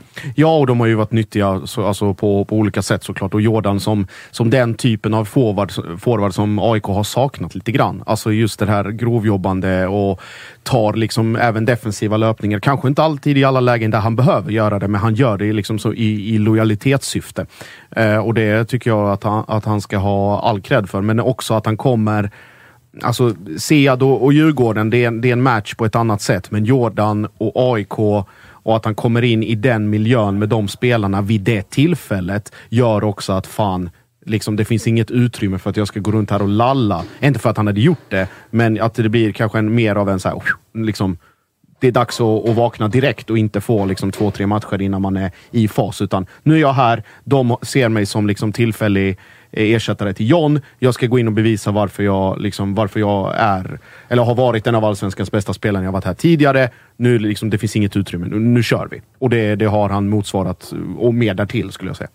Du är nöjd med den gissar jag? Ja, verkligen. Alltså, så här, poängmässigt, han har gjort 3 plus 3. Det är ju en ett bra facit. Inte fantastiskt, bara om man rent krasst liksom, siffror, men bra. Men spelmässigt så har det ju varit eh, ja, men outstanding. Alltså otroligt. Så viktig som han har varit eh, i det här liksom länkspelet mellan mittfält och, och anfallare. Det, är- det är sån klass. Så att det är alltså, i modern tid en av de bättre spelare jag har sett i, i AIK faktiskt. Eh, den, den nivån har han hållit.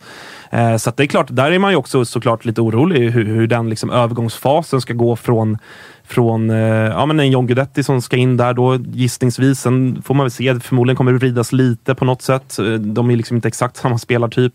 Eh, och det är klart att det ska ju klaffa. Eh, nu har man ju vant sig vid Jordan och så extremt mycket har gått genom Jordan.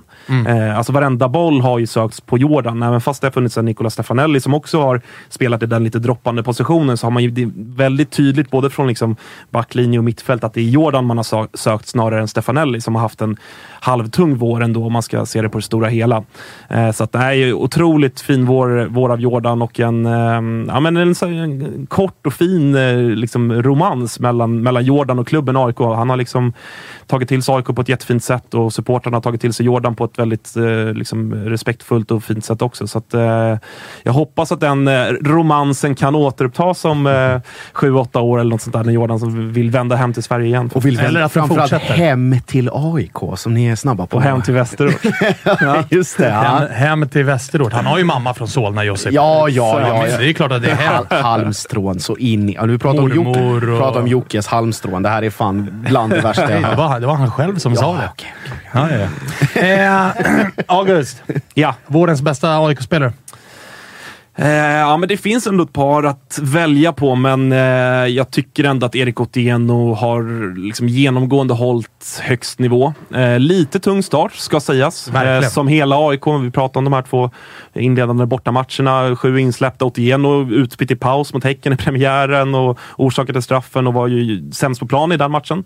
Eh, har ju återhämtat sig ordentligt efter det och eh, jag tycker att man har sett här nu under de framförallt kanske avslutande tre, fyra, fem omgångarna att det här är en spelare som Eh, att, att han är kvar i AIK fortfarande är är för mig ett under. Eh, nu får vi väl se här sommarfönstret som kommer, men eh, för mig är det allsvenskans överlägset bästa vänsterback och den bästa ytterbacken jag har sett i AIK eh, under hela min liksom, livstid. Så, eh, så att han eh, Ja, men det, Jordan hade liksom, det, det hade jag köpt om folk tycker att han har varit bäst, men jag tycker ändå att Otieno har, ehm, har eh, gjort sig förtjänt av, av den utmärkelsen.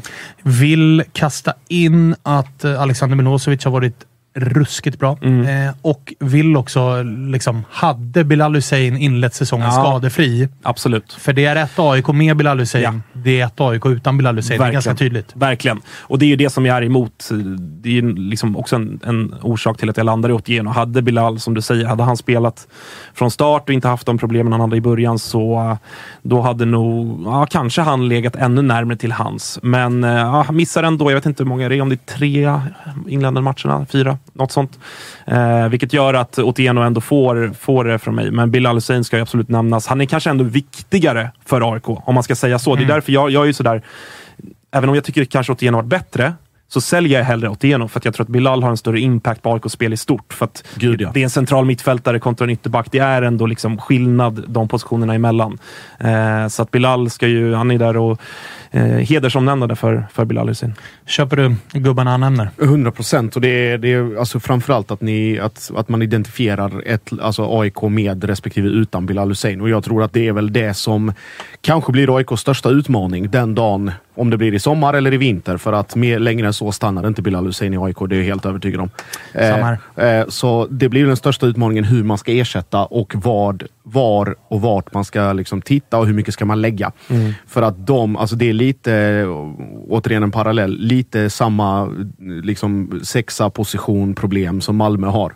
Eh, det vill säga att det är en så pass viktig, ett viktigt nav eh, för uppbyggnadsspel men också för tryggheten på, mellan, alltså i synken mellan, back, eh, eller mellan försvarare och mittfält men även eh, speluppbyggnaden ut på kanterna och centralt. Så att, eh, att AIK skulle, alltså det är ingen omöjlighet att AIK, AIK behöver lägga 15 kanske 20 miljoner på, på en sexa som ska motsvara Bilals kvalitet. Det är väl snarare det man får räkna med. Sen hur mycket man får för honom, det är ju också... Han är i en perfekt ålder. Det är, vad är han, 21, 22 snart. Så där kan man nog hova in en hel del. Men det det stora huvudverken för Jurelius är vem fan ska ersätta? Ja, den är uh, svettig. Ja, nej, men och det är ju sådär, alltså, ska du ersätta någon som du... Ja, ingen spelare är ju garanti så, men om du ska ha någon form av garanti för att ersätta hans klass, ja, då får du pynta 15 miljoner. Och det kommer inte AIK att göra med tanke på att man precis har värvat John Guidetti med den sign-onen och den lönen och sådär. Eh, så där tror jag snarare är en diskussion liksom, med den sportsliga ledningen och Bartos, att man på något sätt, okej, okay, hur vrider vi det här? Hur kan vi få in en, en Yasin Ayari eller kanske en Jesper Ceesay och vrida det så att mer boll hamnar på Seb eller vi drar ner Nico i den rollen. Och Ja. alltså, jag tror inte att man kommer kunna hitta en likvärdig spelare i liknande roll som har den kvaliteten. Nej, det har vi ju försökt tidigare med Kristoffer Olsson. Det landade i Sacco Ylätupa och det blev Exakt, så att katastrof. det, det går nog liksom inte. Utan där får man nog snarare...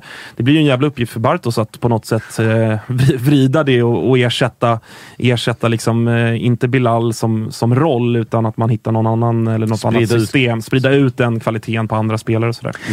Vårens överraskning. Ja, här är svårt alltså tycker jag. Eh, ska jag ta en spelare så är det väl ändå Joe Mendes eh, utifrån att han är jobbig säsong på sätt och vis. För att han, han fick inleda i kuppen, gjorde det jättebra, han blev uppsnackad, han blev liksom eh, förväntningarna höjdes hit på en snubbe som bara spelat division 1-fotboll. Eh, oprövad och så. Tuff start, som hela AIK, som hela backlinjen. Han var en av de som blev lite hängd av det. Fick sitta kvist ett tag, Lustig kom in. Plötsligt såg den där defensiven så jävla solid ut och man kände att aha, det var Joe Mendes som var den felande länken. Utan att det nödvändigtvis var han som var dålig i matcher. Eh, men jag tycker ändå att eh, han har varit bra. Alltså de matcherna han har spelat, Sundsvall borta, tycker jag ändå att han är bra. Sen har han fått hatta runt lite. Helsingborg Blåvitt hemma bra. Blåvitt hemma jättebra. Eh, sen har han fått hat- hatta runt lite, spelat, spelat högerytter och lite sådär. Då har han inte riktigt kommit till sin rätt. Eh, men där, liksom, min bedömning där ligger väl också i att vi har värvat ett framtidsnamn också. Eh, så att jag tycker att värvningen är bra. Eh, och jag hade ju aldrig sett Joe Mendes innan det, trots att han ändå var i fostrad i AIK och var, var här som, som junior så där, innan han gick till HTFF eller Freja eller vad fan de heter. Eh, nej, men så att Joe Mendes är väl nog ändå den spelare som, som har överraskat på mig om någon. Annars har det inte varit så mycket nya spelare in i AIK. Alltså den stora överraskningen var ju att AIK landade in Jordan Larsson. Ja, även när ryssfönstret öppnade och Djurgården plockade in Sead, man satt Mm. ju ändå där och bara... Nej, alltså man såg det inte fram. Vissa spelare och värvningar ser man ju framför sig. Att säga, Mm. jo men det här kan bli av och jag man kan se fattade honom att i våran... Gigovic gick till Helsingborg Ja, till exempel. och Dagerstål till Peking och även Sead till Djurgården. Det kändes Mm. liksom relativt logiskt och man kunde se det framför sig. Mm. Jordan Larsson i en AIK-tröja. Jag kunde inte föreställa mig det. Jag kunde inte liksom tro att det var möjligt. Nej. Eh, och med liksom Helsingborgshistoriken, bra i Spartak, visst haft en tuff säsong sådär, men man såg inte riktigt matchen AIK-Jordan hända. Nej. Eh, och att det dessutom skulle bli en ganska fin, att de har, som du var inne på tidigare, att de har hittat varandra. Att han Mm. har verkar tagit till sig AIK på ett bra sätt. AIK har tagit till sig honom på ett bra sätt. Det, det var fan en jävla överraskning för mig. Mm. Nej, jag är helt, helt enig. Men det var också som vi pratade om. Hur ska man fasa in John om Jordan drar och, och när, när det händer och sådär. Den största skillnaden är ju, vi har ju varit inne på det tidigare, men det är ju speltiden. Alltså Jordan kommer ju ändå från, även om han inte har spelat så mycket, det har varit kontinuerlig träning, det har varit något inhopp här och där och kommer med relativt okej form fram till den här dippen. Liksom. Att det har varit Någonting har ändå hänt. Han har ju inte varit fastfrusen på någon bänk. Eller Han har ju ett liksom- halvår på ett bänk, inte fyra år. Ja, precis. Så att det har ju varit liksom... Det, det, det var, låg närmare till hans att gå från bänk till, eh, till bärande spelare än vad det kommer vara för John. För att den piken li- ligger väl nog ett, minst ett halvår bort, skulle jag säga. Så att det är väl först i nästa säsong som man ska kunna räkna med att se den John som alla aik förväntar sig. Vårens eh, besvikelse. Nej, men eh, det kan, kan låta hårt, men jag måste ändå landa i Nicola Stefanelli. Eh, jag satt och pratade här när vi, när vi snackade upp säsongen och hade vår, vår långkörare här och, och då, då utnämnde jag Stefanelli som Eh, om, det, om det var MVP eller vem som jag vill ska bli MVP. Eh, min motivering var i alla fall så att jag vill att han ska bli MVP. Det här var ju innan då Jordan hade kommit. Eh, och min motivering då var ju att oerhört mycket kommer behöva gå via Nicola Stefanelli. Och han var otrolig i höstas, jätte, jättebra. Eh, men har ju inte alls fått det att stämma i år så här långt. Eh, kanske till viss del på grund av Jordan, just för att han har, de har liksom rört sig i samma ytor lite grann, men, men utgått från olika kanter så att säga. Eh, men han, eh, jag vet inte, det ser stundtals, stundtals eh, slarvigt ut. Eh, motoriken ser liksom dålig ut ibland. Han tappar mycket boll. Eh, han har inte alls fått det här liksom länkspelet med Nabbe eller Otieno till, till viss del också till vänster, så han har inte alls fått det att stämma. Med det sagt så tycker jag ändå att han ska liksom, omnämnas som liksom, imponerande att han fortsätter med det här jävla derbyfacit han sitter på. För att han, de två bästa matcherna han har gjort i vår är ju Bayern borta och Djurgården hemma. Han är matchavgörande i båda de, båda de matcherna och han gjorde mål förra året mot Djurgården och sådär.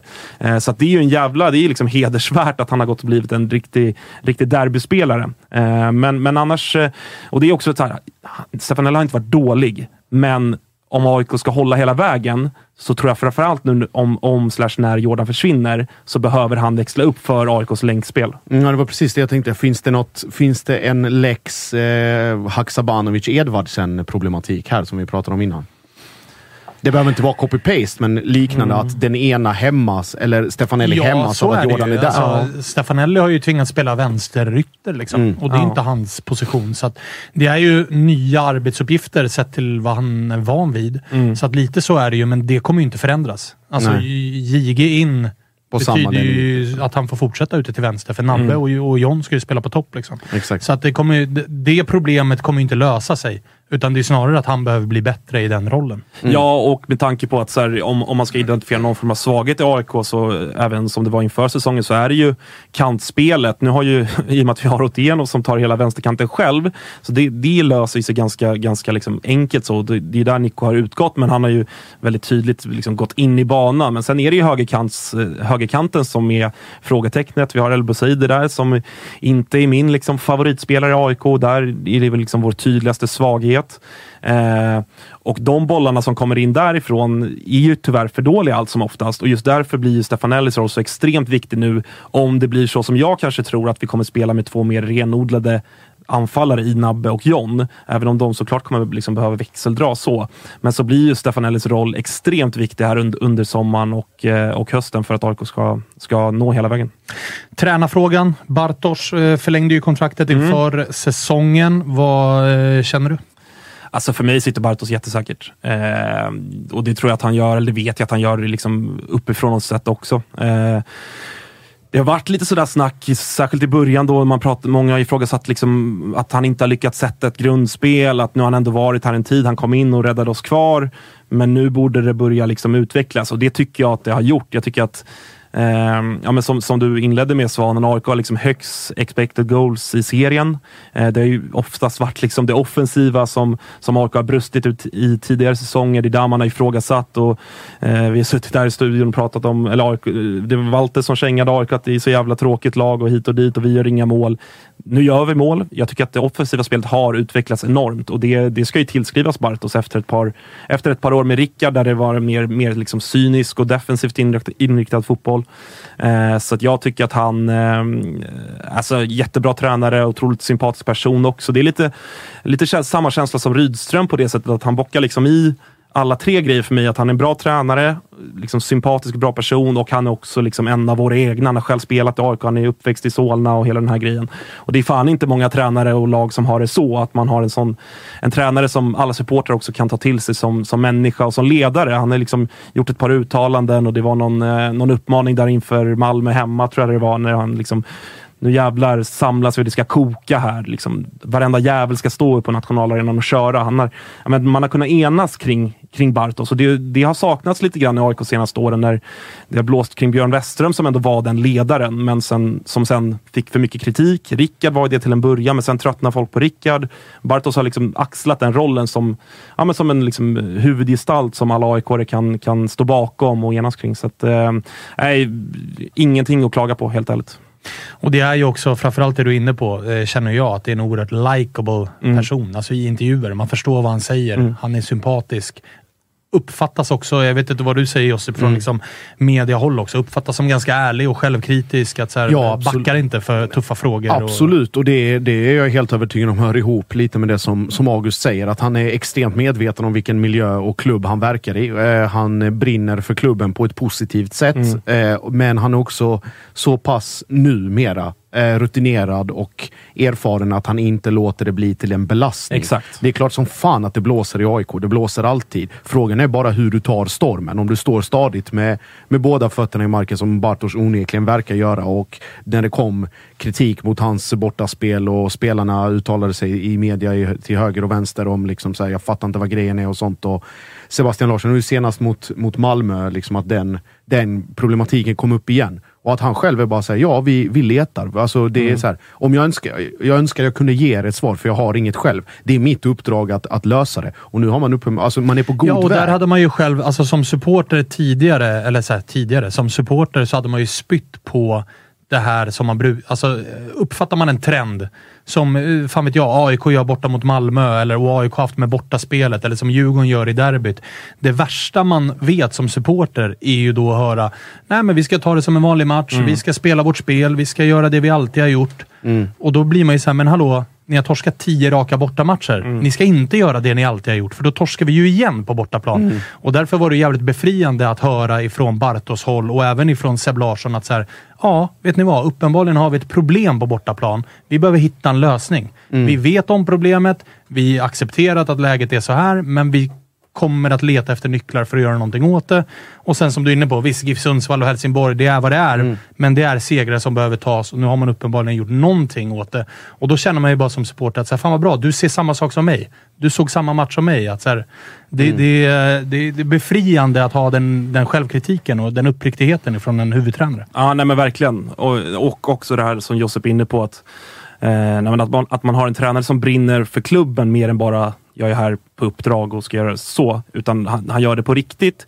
Men för den sakens skull tycker jag inte att han påverkas på ett negativt sätt som vi Exakt. supportrar gör, som är så extremt känslomässigt engagerade här. Det kunde ju Rickard göra, det kunde man ju liksom märka ganska tydligt på Rickard som också brinner och älskar AIK.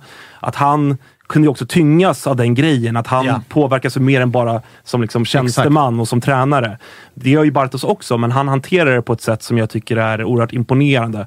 Och han, nej, att han tar sig tid, och man, vi brukar hänga på Karlberg, Svanen, och han tar sig tid att snacka skit och han kommer fram och hälsar på supportrar utan att för den sakens skull bara syssla liksom med publikfrieri och, och bara liksom fjäska in sig. Utan det är genuint och det är, han bryr sig och han är intresserad och, och sådär. Så att han... Eh, Eh, jag, jag hoppas ju att han, han stannar länge i AIK. Jag hoppas verkligen att han får... Han var ju med som assisterande 2018, men jag hoppas att han får vara med och vinna ett guld som, som huvudtränare. Det, det unnar jag honom. Mm.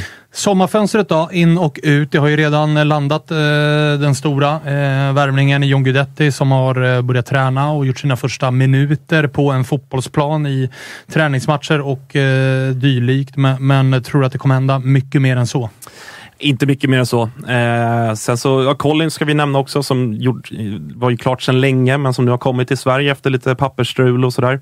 Eh, det är ju ingen spelare som här och nu ska gå in och färga, men utan det är ett, ett framt, framtidsnamn i backlinjen sådär, som har sett intressant ut ändå, det vi har sett på Karlberg. Men, eh, Och har ju fysiska egenskaper Ja, som gör att verkligen. det är jävligt intressant. Ja. Stor och stark och har ju spelat och- U19 hittills, så jag har tyckt synd om liksom, smågrabbarna som har fått lira med mot honom. Eh, nej, men annars tror jag inte att det kommer hända jättemycket. Jag skulle gärna se en, en ytterspelare till, eh, då framförallt ute till höger. Det är ju där, som sagt, eh, jag ser liksom, identifiera det stora problemet som AIK har. Det är där man också har laborerat. Ibland har det varit Säk, ibland har det varit Acke, ibland har det varit Mendes. Det är tydligt att eh, där har ju Bartos ett huvudbry, att han vet inte riktigt vem som är den bäst lämpade spelaren där ute. Ingen tar riktigt chansen. Nej, exakt. De, de liksom gör någon okej prestation. Acke var helt okej någon match när han spelade där, gjorde assist direkt, men det var liksom inte, det är inte guldlagsbra kanske. Han ska inte spela där. Eh, glimrar ju till. Han har ju sina stunder, den gode El Bouzid, men, eh, men över tid och över flera matcher så är han ju, liksom, det är en okej truppspelare, men det är ingen, det är ingen startspelare. Så där hoppas jag ändå att AIK lägger ner krutet, särskilt nu när man ska gå in i ett Europaspel. Då kommer det krävas ytterligare bredd, för där är ju också ett frågetecken i AIK jämförelsevis med framförallt Malmö, men även till viss del Djurgården och lite sådär. Att bredden, ja, tveksam till den. Jag tror ju att AIK kommer att hämta en högerytter, men jag tror att man kommer leta i den så kallade fyndlådan. Det tror jag Och också. Alltså Superettan, division Det tror jag 1, också. Finland, Norge, spelare med utgående kontrakt. Alltså, Absolut. hämta någonting i typ så här Zac El Bouzidi-lådan och hoppas att vaska guld. För att det är väl det budgeten eh, räcker till efter att man har plockat in John. Precis, och det leder mig då in på, på hur AIK liksom, och stundande Europaspel. Vad i helvete ska man förvänta sig och vad är rent realistiskt utifrån vilken lottning det blir för, för AIK? För att den truppen man har nu eh, och den bänken man har nu, det räcker kanske två omgångar. Sen, sen så blir, kommer kvalitetsskillnaden bli alldeles för stor. Truppstorleken är vad den är. Det är bland de minsta trupperna i hela allsvenskan. Ja. Då är det 23 man. Där någonstans. Och av de 23 så är det kanske 12 startspelare. Ja, alltså i de, bland, bland de 23 så ska vi alltså räkna in Henry Meja, Erik Ring, Tom Strannegård. Alltså spelare som knappt har gjort en sekund i Allsvenskan än så länge. Och Och det- det, är ju på grund av kvalitetsmässiga skäl. Precis, och det är då till och med med en gynnsam lottning, säg i Conference League, så är det svårt att ta sig in i ett gruppspel med den truppen. Ja, ja, och tittar man på... Nu kommer ju första lotten ha fallit när det här avsnittet är eh, släppt, men jag menar, det, det, det kan ju bli... Alltså det är ju en tuffare väg att gå till Conference League rent lottningsmässigt än vad det är att ha Champions League-lottningen fram till sista playoffet. Är du med på vad jag menar? Att Ja, generellt, ja. mästarvägen. Jag menar, kolla Malmös eh, första lotter, vilka de kunde få. Jämför med vad AIK och Djurgården kan få. Ja, Då är det ju det- tuffare lag för AIK och Djurgården. Ja, det är och det ju- Pauk och Bate och Basel i redan första rundan. Ja, och det handlar ju om uh, sidningspoäng. Det är inte Ja, men svårare än exakt, så. Så exakt. man ger sig, på ett sätt man ger sig själv förutsättningarna också, men faktum kvarstår fortfarande att det är, det är lättare för, för MFF i en Q1 eller en Q2 i Champions League att få amatörgäng från San Marino och. Andorra. Jag, jag fattar vad du menar, men ja. Men såklart, alltså, i Conference League-lottningen, det man har lärt sig av att se sidningsgrupperna är att väldigt mycket kommer handla om flaxet. Vad Ja. får du? Jag menar, du kan få Pauk och Basel och Bate Borisov redan i första rundan och då är det mer eller mindre tack och godnatt för det hade ju varit en tuff lottning även för Malmö att Ja, möta ja. Pauk. Liksom. Det. Eh, så att jag menar, så är det ju. Eh, men jag håller ju med dig om att truppen är tunn. Eh, och det kommer ställas ruskiga... Alltså det kommer krävas maxprestation för att nå ett eh, gruppspel, så som vägen ser ut in i ett gruppspel. Och då, är det, och då med i åtanke att man har lagt liksom den absoluta majoriteten av alla tillgängliga pengar på en och samma spelare. Så gör det ju också att det blir så här, mm, vad ska man liksom, vad är rimligt att, att förvänta sig eller vad ska man kunna tänka? Liksom? Ja, så är det ju definitivt. Sen är det ju, alltså med AIKs budget så är det väl också så här. Hade du spritt ut de pengarna som man la på John på tre spelare, då hade ju det blivit tre rätt mediokra spelare. Men det hade fortfarande gjort truppen från 23 till 26 och det hade ökat ens skillnad kanske med någon, någon procent Mm. över flera omgångar.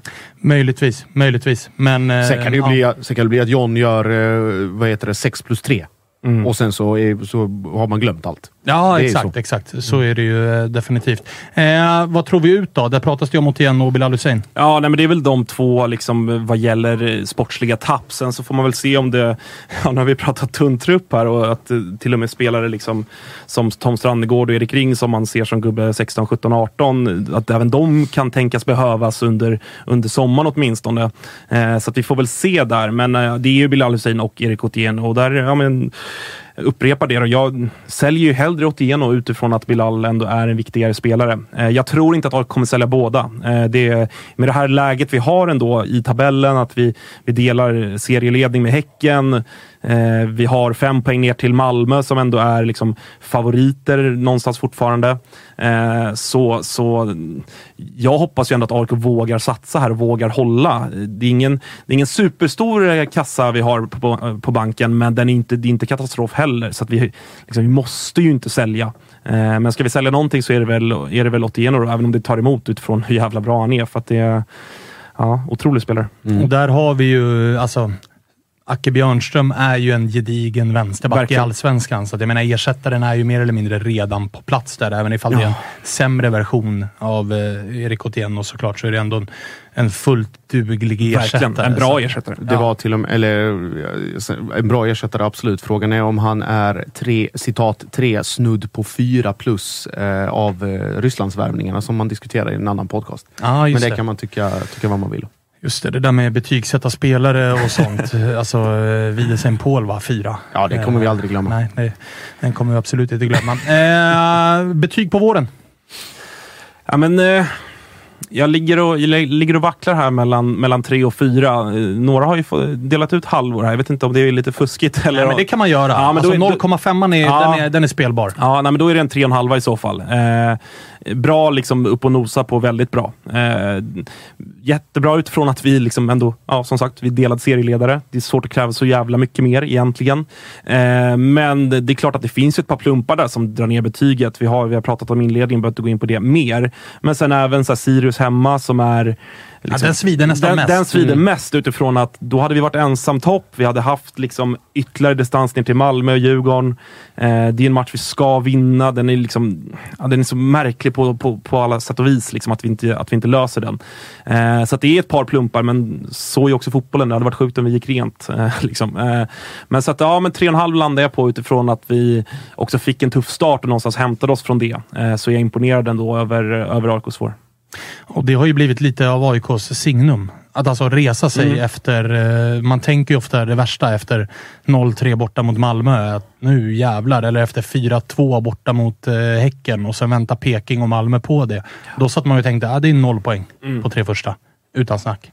Eh, delar du Augusts betyg på, på 3,5? Absolut, och jag tycker det är nästan, om man ska, vi pratade om truppen innan, då kanske det till och med ska vara uppe på, på fyra faktiskt. För att den, den är så pass tunn och det är så pass stor skillnad mellan spelare 1 till ja, 12, om man ska säga det, och sen 13 och, och framåt. Mm. Så att, att man har lyckats få ut så mycket av, av de eh, startspelarna eh, på så relativt kort tid som det ändå har varit med rå rockader med framförallt eh, kommer John, kommer inte John, kommer, nu kom Jordan, allt föll väl ut och som du säger Stefanelli ner och dippar, Bilal skadad och så vidare. Så att sett till, till vad man har haft för förutsättningar och allting sånt så kanske fyra till och med. skulle jag säga. Ja, och för att fyran blir ju faktiskt spelbar August med tanke på att det är två derbyn också där AIK gör det riktigt, riktigt bra. Alltså Djurgården Ja. hemma 1-0, städar av i vanlig jävla ordning. Bayern borta kommer ju också i ett läge där AIK är ja, men lite så här pressade mot repen. Man har haft en tung vecka med, eh, var det Malmö hemma, Blåvitt? Eller vad- det var ju en tuff exakt. vecka med tre matcher på en vecka medan Bayern var utvilade. Vi hade spelare borta i eh, Kribben och Lustig och allt vad det Mm. var och ändå löser den poängen när Bayern har gått som tåget och sådär. Mm. Det stärker ju betyget av den här våren Ja, också. absolut, absolut. Och inte bara liksom, eh, ja, men ju- just för att det är derbyn och att vi någonstans fortsätter, vilket ändå så har varit identitetsbyggande och stärkande för liksom, såklart spelare, ledare, men kanske framförallt för, för liksom, kollektivet AIK supporterrörelsen. Att, att vi fortfarande är liksom, hittills derbykungar. Vi fortsätter vara liksom, tveklöst Stockholmslaget när det kommer till de här matcherna. Det, det är klart att det, det är ju liksom, ett stort, stort plus. Eh, och har ju gjort också, så här, det är också en sak att nämna, allt runt omkring supportermässigt. Vi har ett publiksnitt på 27 000. Vi leder borta publikligan. Jag är medveten om att det är olika matcher och hit och dit. Vi har haft Blåvitt, Malmö, hemmaderby och sådär. Men alla de grejerna har ju också varit över förväntan faktiskt. Så att supportrarna har ju verkligen kraftsamlat här också under inledningen och det har varit eh, ja, men bra stämning och bra tifon och, och hela köret. Så att, eh, ja, men, bra vår. Eh, men ja, tre och ett halvt då. Jag är som ni vet lite pessimistisk lagd. Mm-hmm. Josip med fyran. Vi ringer en totosvenskan favorit i form av Nabil Bahoui så ska vi försöka reda ut det här med om JG ersätter Jordan rakt av eller om de blir två nior eller hur fan de ska spela nu. För det är väl egentligen den stora frågan i AIK-led nu. Hur ska vi spela efter Jordan out och JG in? Eh, får se, se vad Nabil Bahoui pysslar med också. Han brukar ju kunna bjuda på en del härliga grejer. Mm, framförallt undrar man lite kring hans eh, fysiska status. Har ju, missade ju sista matchen och, och sådär. Men jag tror att han har varit i träning här nu i, både igår och idag. Vi får väl kolla med Nabbe. Vi får väl se. Vi har honom med oss i alla fall. Nabbe, hur är läget? Tjena grabbar! Är det bra? Tack själv då.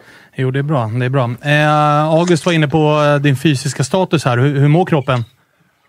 Jo, men äh, tränar fullt idag, tränar fullt igår. Så det är så rulle om man säger så. Ja, skönt att höra. Du, eh, vi har försökt summera lite grann eh, våren här. Vad, vad säger du om AIKs eh, vår? Eh, vi har inte toppat våran uh, topp än och ändå ligger vi där vi ligger. Så det är väl bara positivt, skulle jag säga.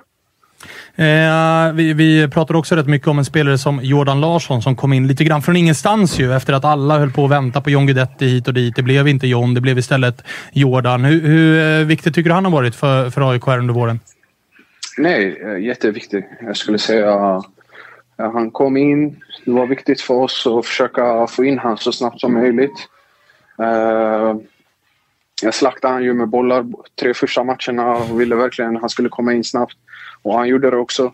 Sen... eh, sen eh, förstår jag om han inte, alltså om han inte hamnar, alltså om, om han inte blir kvar i AIK, då förstår man. Men vi får väl vara glada att han har varit här och att han i alla fall har eh, lite svartgult i sig nu. Så att om någon gång han ska tillbaka så förhoppningsvis väljer han oss.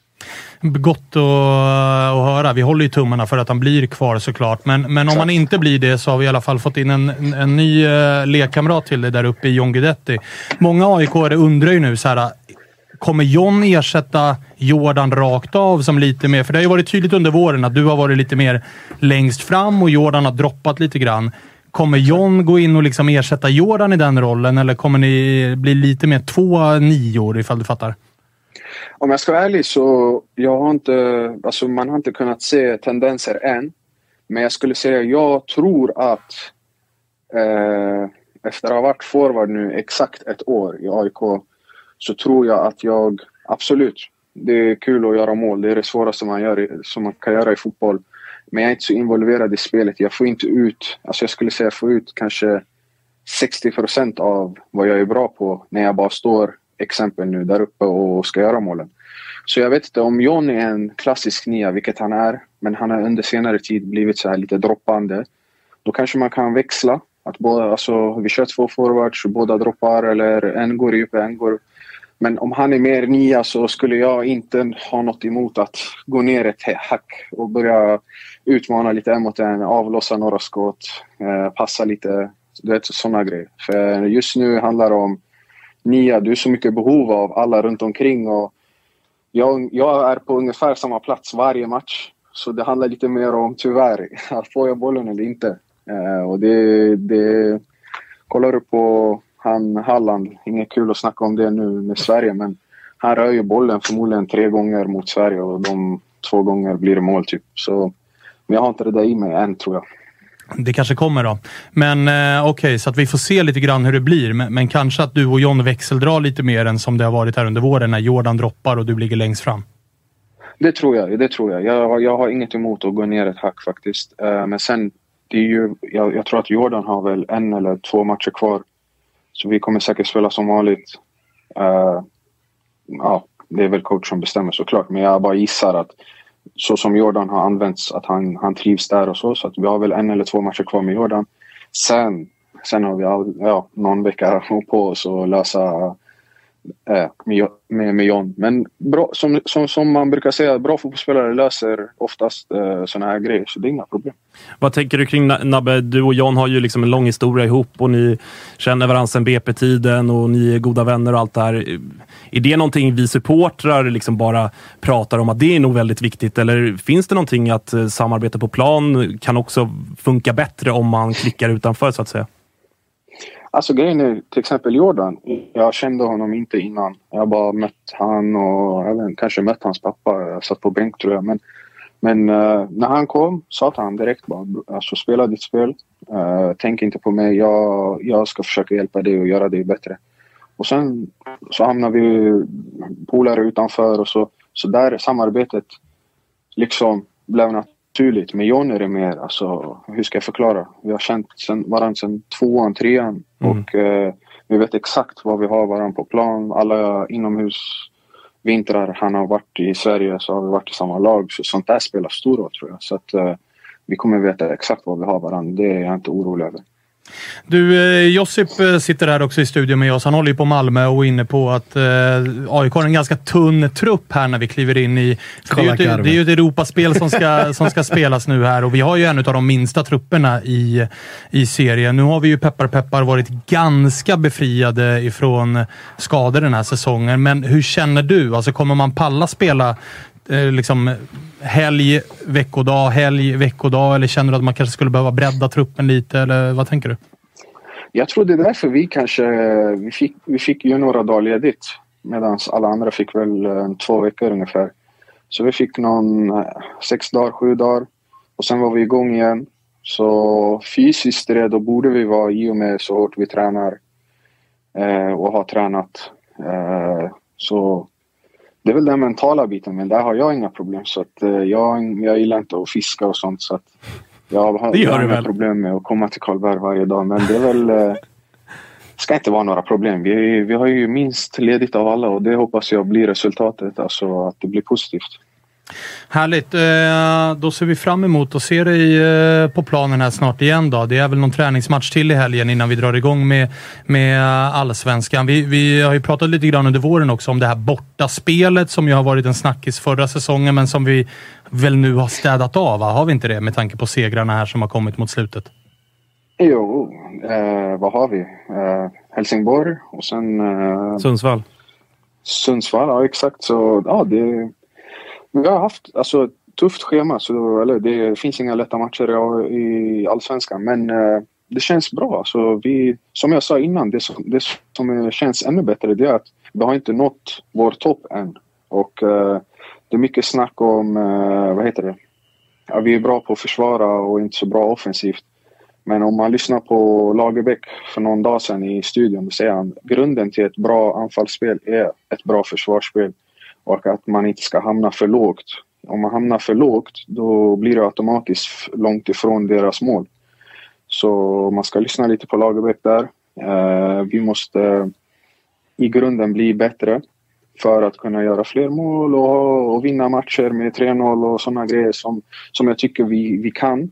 Men vi kanske inte är där än. Och eh, att vara tvåa i allsvenskan och inte känna att vi är nöjda, det är bara positivt. Eh, så vi, vi jobbar järnet. Bara komma till Karlberg när det är öppet och bara kolla hur hårt vi tränar. Så förhoppningsvis får vi ut allt på planen. Och det börjar redan på söndag. Jag vet inte om man har gått ut med det, men eh, 15.00 Spånga IP. Nej, vad jag tänkte på, på en grej Nabbe här också. Det, jag, jag hör du garvar, du vad heter det med Malmö hit och dit och sådär. Eh, jag tänkte på, eh, finns det någon, någon fråga nu under eh, sommaren och till hösten som du verkligen inte vill höra i mixade? Som du känner att fan det räcker nu, släpp oss. Men jag, jag har släppt mitt krig, eh, om jag ens har haft ett krig, men det blev ett krig i media om domarna. Mm. Jag, jag, alltså jag, jag är den som eh, jag vet inte om Al-Hakim kommer ihåg det, men det var ett derby 2015. Jag berömde honom och jag kände att det var liksom hans vändning. Eh, det var då han blev Al-Hakim som fick alla tuffa matcher så. Så jag är den som har alltid stått bakom dem. Men jag känner efter Malmö-matchen i kuppen det blev lite så här... Eh, alltså, det var jag som startade alla... Eh, ja, startskottet till att, alltså, vi mot domarna. Och jag tycker domarna... Ja, Alltså, de har haft sina bra matcher och dåliga matcher precis som jag har haft och precis som laget har haft. Men eh, jag vet att min klubb, AIK, är emot VAR. Men jag menar, jag brukar säga så här. Eh, Premier League, det är något man ser upp till som eh, inte alla får spela i. De har VAR, så varför ska vi inte ha? Men eh, som sagt, står bakom min klubb. Men eh, jag vill inte ha något så här problem med domarna och jag tycker alla ska bara Visst, det sker massa misstag och så, men det händer oss också i vår vardag. Så det kriget, om man kan kalla det så, tycker jag alla ska släppa. Eh, och, ja, det är väl den frågan, om domarna i så fall. Så, så nästa gång vi kommer där, så ej Nabbe, snabb kommentar om domarna. Inga kommentarer, jag har inte tid, jag går nu. Nej, jag ska, ja, ja, men typ, typ, så, typ så. Det är, bra, det är bra för oss att ha med oss. Ja, ta med dig det Josef nu. Inga mer jävla domarfrågor till Nabbe. Du, Nabbe, en fråga som kommer dyka upp här under eh, de kommande veckorna och beroende på hur lång tid det tar, är ju att du sitter väl på ett utgående kontrakt? Ja. Vad hände här då? Nej, eh, jag och eh, Jurre har en relation långt tillbaks. Så att, eh, vi, har, vi har halvsnackat, men jag tycker att vi vet exakt vad vi har varandra. AIK vet vad de har mig.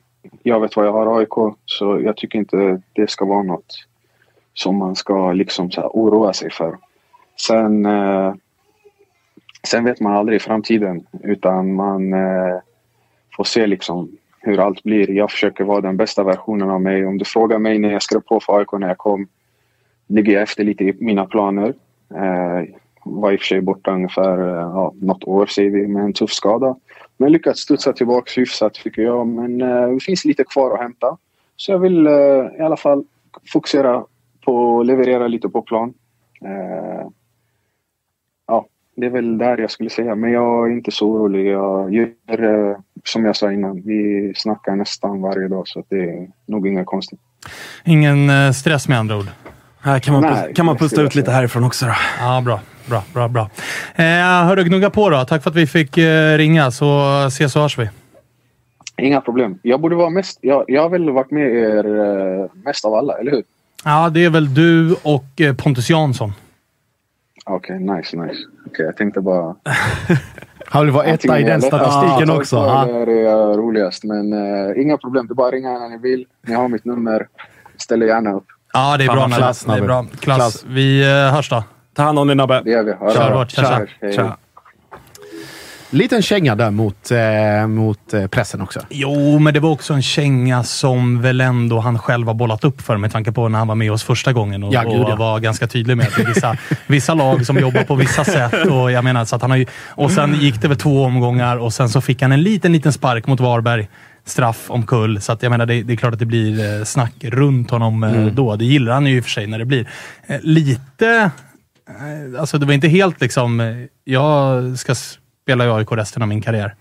Nej, men han är inte den karaktären heller som, som liksom pratar i de termerna, känner jag. Det är liksom också lite Nabbes charm och Nabbes grej. Att, eh, och sen är han väl också liksom så här, det, det, kommer han ju göra. Det var, han var ändå tydlig tycker jag med att det kommer ju förlängas det där kontraktet. Men han är också fotbollsspelare. Han förstår att det är alltid dumt att stänga någon dörr helt. Eller liksom så. Ja, och jag menar, uh. vill man tolka det på ett annat sätt så säger han ju också så här, jag är inte riktigt klar med mina planer. Nej. Och vad är det för planer då? En till vända utomlands, eh, dra in lite sista kulor, hela den grejen. Ja, och jag menar, jag har inget problem med det ifall han skjuter hem ett guld först. Nej, jag, jag, jag tolkade det väl, det är väl AIK-hjärtat då som kanske tolkade det annorlunda på så sätt att jag tänker att han vill vara med och vinna ett guld ordentligt. Han var ju med 2018 under våren, men lämnade ju, lämnade ju sen och var ju med och krattade för det där guldet. Men jag tänker att han menar också att han vill vara med en hel säsong och smälla in 16 baljer och vara liksom den som avgör ah, ja. guldmatchen. Och sen gå. Som Nej, bossman. Ah, det tror jag inte. Nej, jag tror inte heller det. Jag säger bara att... Fan, jag, säger, jag säger bara att så här, dörren inte... Nabbe förlänger det där kontraktet, det räknar jag med. Det ska du se till. Fan vad, fint, till. fan vad fint med splittring i leden. Det kan vi bara... Ja, Nej, men jag vill bara bolla upp flera sidor utav myntet här. Annars är mina DMs och mentions fulla utav folk som tycker det ena och, och, och, det och är det tredje. Eh, men du Josip, du har ju varit inne på att Bayern är den stora utmanaren. Mm. Känner du inte någonstans att det ändå är AIK som är det. Ja, men det, det, är för att AIK, liksom, AIK är som ett jävla ånglok när det väl liksom är i spår. Sen att det är massa signalfel och hinder på vägen och vad heter det, lokförare som, som somnar på jobbet. Det är en annan sak. Men, det är inte vårt fel att det kom en älg nej. på spåret. Liksom. Det är inte vi då för. Nej, men då finns det alltid någon att skylla på. Det är ju på. domarna. Ja, såklart. såklart. Nej, det finns, eh, finns alltid någon att skylla på. Nej, eh, alltså och det som, talar, det som talar för att jag vidhåller den teorin om Bayern är för att Bayern har eh, alltså spetsigare bredd och en, en trupp där det finns liksom det finns mycket mer sömlösa övergångar i ersättare eh, på, vis, på majoriteten av positionerna. Backlinjen är ett undantag, den är vad den är, men likväl mittfältet och där man, man ganska väl besatt och det är flera som kan spela på olika positioner. AIK är ju fortfarande leader av, av de här 23 23 man varav 12 är i speldugligt skick. Eh, och det kommer att ta ut sin rätt i det långa loppet, är jag tyvärr Uh, eller tyvärr, tyvärr. För vår del. ja, det, det, det, är det jag tror kommer fälla avgörandet i den, uh, i den Jag racen. tror det som fäller avgörandet för huruvida AIK vinner ett SM-guld eller inte är uh, Bilal Husseins vara eller icke vara när sommarfönstret stänger. Blir Bilal Hussein kvar i AIK, då tror jag att AIK är som sämst tvåa när vi summerar 30 omgångar är Bilal Hussein eh, såld under sommaren, då tror jag att AIK ska vara glada ifall man är topp tre. Ja, Alltså, ja, det finns absolut en poäng i det. Eh, det beror ju såklart på vad och hur man ersätter Bilal Hussein. Men, men om vi utgår från det vi var inne på, att man inte kommer slanta upp 10 millar för en liksom, klassspelare. Så nej, men då är vi väl någonstans där. Eh, så viktig är han. Eh, och, och, det är klart att det är ju också en, det är en svaghet att man kanske är så beroende av, av vissa spelare. Och det är ju alla lag. Sen är man ju liksom mer eller mindre sköra utifrån just den här bredden man har. Eh, så att, absolut, som jag var inne på förut också, det, det är klart att det finns ett oro ett orosmål i mig också vad gäller den här bredden och särskilt då med tanke på, på sommaren och Europa och allt sånt att vi ska dubbelköra. Det, så är det ju. Eh. Tror du som eh, Josip att eh, John Guidetti är ett halvår ifrån eh, liksom någon form av topp eller tror du att vi kan eh, trimma igång honom snabbare än så? Alltså, jag, tror inte att han, jag tror inte att vi kommer se hans topp i, i, i den här säsongen, utan den tror jag absolut kommer nästa säsong när han får en klassisk svensk försäsong i, i kropp Fan och vad han ben. har saknat det. Ja, nej, men det, är, nej, men det är klart att han, han är inte i fullt fysiskt slag. Det, det tror jag, tror jag liksom alla, alla förstår och, och kan se. Men, men eh, det är också när vi spelar in det här, vad är det då, fyra veckor nästan tills, eh, tills att han ska göra debut för AIK i tävlingssammanhang. Eh, och för en, en fotbollsspelare som liksom är van att ta hand om sin kropp och van att och liksom sköta allt sånt, så det, det hinner du ju göra. Så att vad gäller liksom fysiska formen, det är jag inte så orolig över. Sen så eh, kommer inte han liksom vara... Allt kommer inte klaffa direkt. Det kommer inte se perfekt ut med Nabbe eller, eller Nico eller någon annan för den delen heller direkt. Men jag tror att ändå grunden i AIK är så pass stark, liksom, i alla fall till liksom spelare 12, att så länge John inte är direkt svag så, så kommer AIK vara med hela vägen in. Sen tror jag också att så här, John Guidetti är en spelare som lever väldigt mycket på eh, energi och mentalitet. Och jag Mm, tror sådana spelare har snabbare att hitta in i det än om John Guidetti hade varit en teknisk ytter Mm. som är liksom lite humörspelare. Sådär. John är ju inte den typen av spelare, vilket jag tror att det kommer att gå snabbare för en sån. Alltså minns när Bayern plockade Tankovic första gången. Då tog det ju typ ett halvår. Men Tankovic är ju också den när, när det inte stämmer, då stämmer ju ingenting. Tankovic är ju inte en sån som liksom får igång sig själv genom att sätta in två glidtacklingar och liksom skrika på någon och så är han uppe i varv.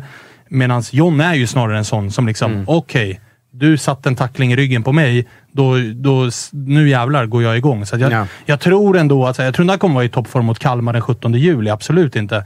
Men alltså, ge det en månad från att eh, liksom, ge det till den 17 augusti då. Och då tror jag att vi kommer se en ganska bra Guidetti. Mm. Och eh, Nabbe är inne på det själv också. Jag tänkte ta med det innan vi, innan vi avrundar också. Att AIK måste, eh, för sin egen skull och för sin, liksom, eh, hur ska jag säga, eh, att, de har, eh, att de är fortfarande med i racet, måste sluta ta onödiga varningar. Alltså det vill säga, Mm. alltså, det är ingen som hindrar någon från att ta en varning, men Sebastian Larssons, vad är det, 12 gula kort förra Ja, året. nej. Och, sånt. Att man måste, med tanke på hur truppen ser ut, man har inte råd med de här eh, heter det, onödiga feltajmade avstängningarna i omgång 23 eller ännu värre omgång 28. Alltså den typen av minimeringsvarningar måste bort. Och där, där blir ju Bartosz ansvar att så här, är det en tackling ute på plan, gå in hårt, gå in, det är inga problem. Men minimera allt för snack, för maskande, för gnäll på domaren, gnäll på tjafs med motståndare. Det måste, alltså man har inte råd att, att ta de korten. Tyvärr. Och då det är svårt för den truppen är som den är. Att det är många... Karaktärerna, det, må- brinner till. Det är mycket hot heads. Och det, det kräver ju sin tränare att, eh, att kontrollera det. Så är det. såklart. Härligt hörni, det här var två stycken svartgula lag som toppar den allsvenska tabellen i form av Häcken och AIK. Kalle, vill du in med någonting här eller innan vi avrundar det här programmet? Ja, men jag tänkte faktiskt det, för nu har jag ju eh, i alla de här små specialavsnitten så har jag ju eh, lobbat lite för specialspelen eh, Bottos Unibet och visst finns det två stycken gällande de eh, båda svartgula lagen. Och det är ju dels eh, nyförvärvet John Guidetti, om han kommer göra över 6,5 mål eller ej. Över ger 2,40 gånger pengarna, under 6,5 1,50. Sen har vi då eh, Jeremejeff, om han nu blir kvar. Då eh, får man 1,80 om han gör över 18,5 mål, under 18,5 1,90. Så kika in på Unibet och eh, spela där om ni är över 18 år och inte har problem med spel, för då kan ni kika in på stödlinjen.se istället. Sju mål på 15-16 matcher. Mm, varannan match. Ja. Alltså, den, den ligger väl ganska rätt linan får man väl säga. Men eh, 2,40 till, liksom på över 6,5 det eh, kan man nog pilla in en liten slant på. Och Jeremejeff gör ju inte 19, för han blir såld. Exakt. Ja. Det har vi Så det där spelet fast. kommer bara bli voidat. Det har vi slagit fast. Hörni, tack för att ni lyssnar på Toto-svenskan. Imorgon, redan torsdag, så är vi tillbaka med ett eh, superavsnitt. Vi är återigen tillbaka live. Det kommer dessutom öppnas upp för en frågestund med våran härliga chatt. Och detta är alltså det sista förinspelade avsnittet ni hör. Sen är vi tillbaka med full jävla kareta igen. Nu har vi gått igenom alla lag och nu är det alltså dags att återigen sparka igång allsvenskan på riktigt igen. Eh, tack till er alla som hör av er och eh, fortsätter att lyssna på oss. Eh, vi hörs!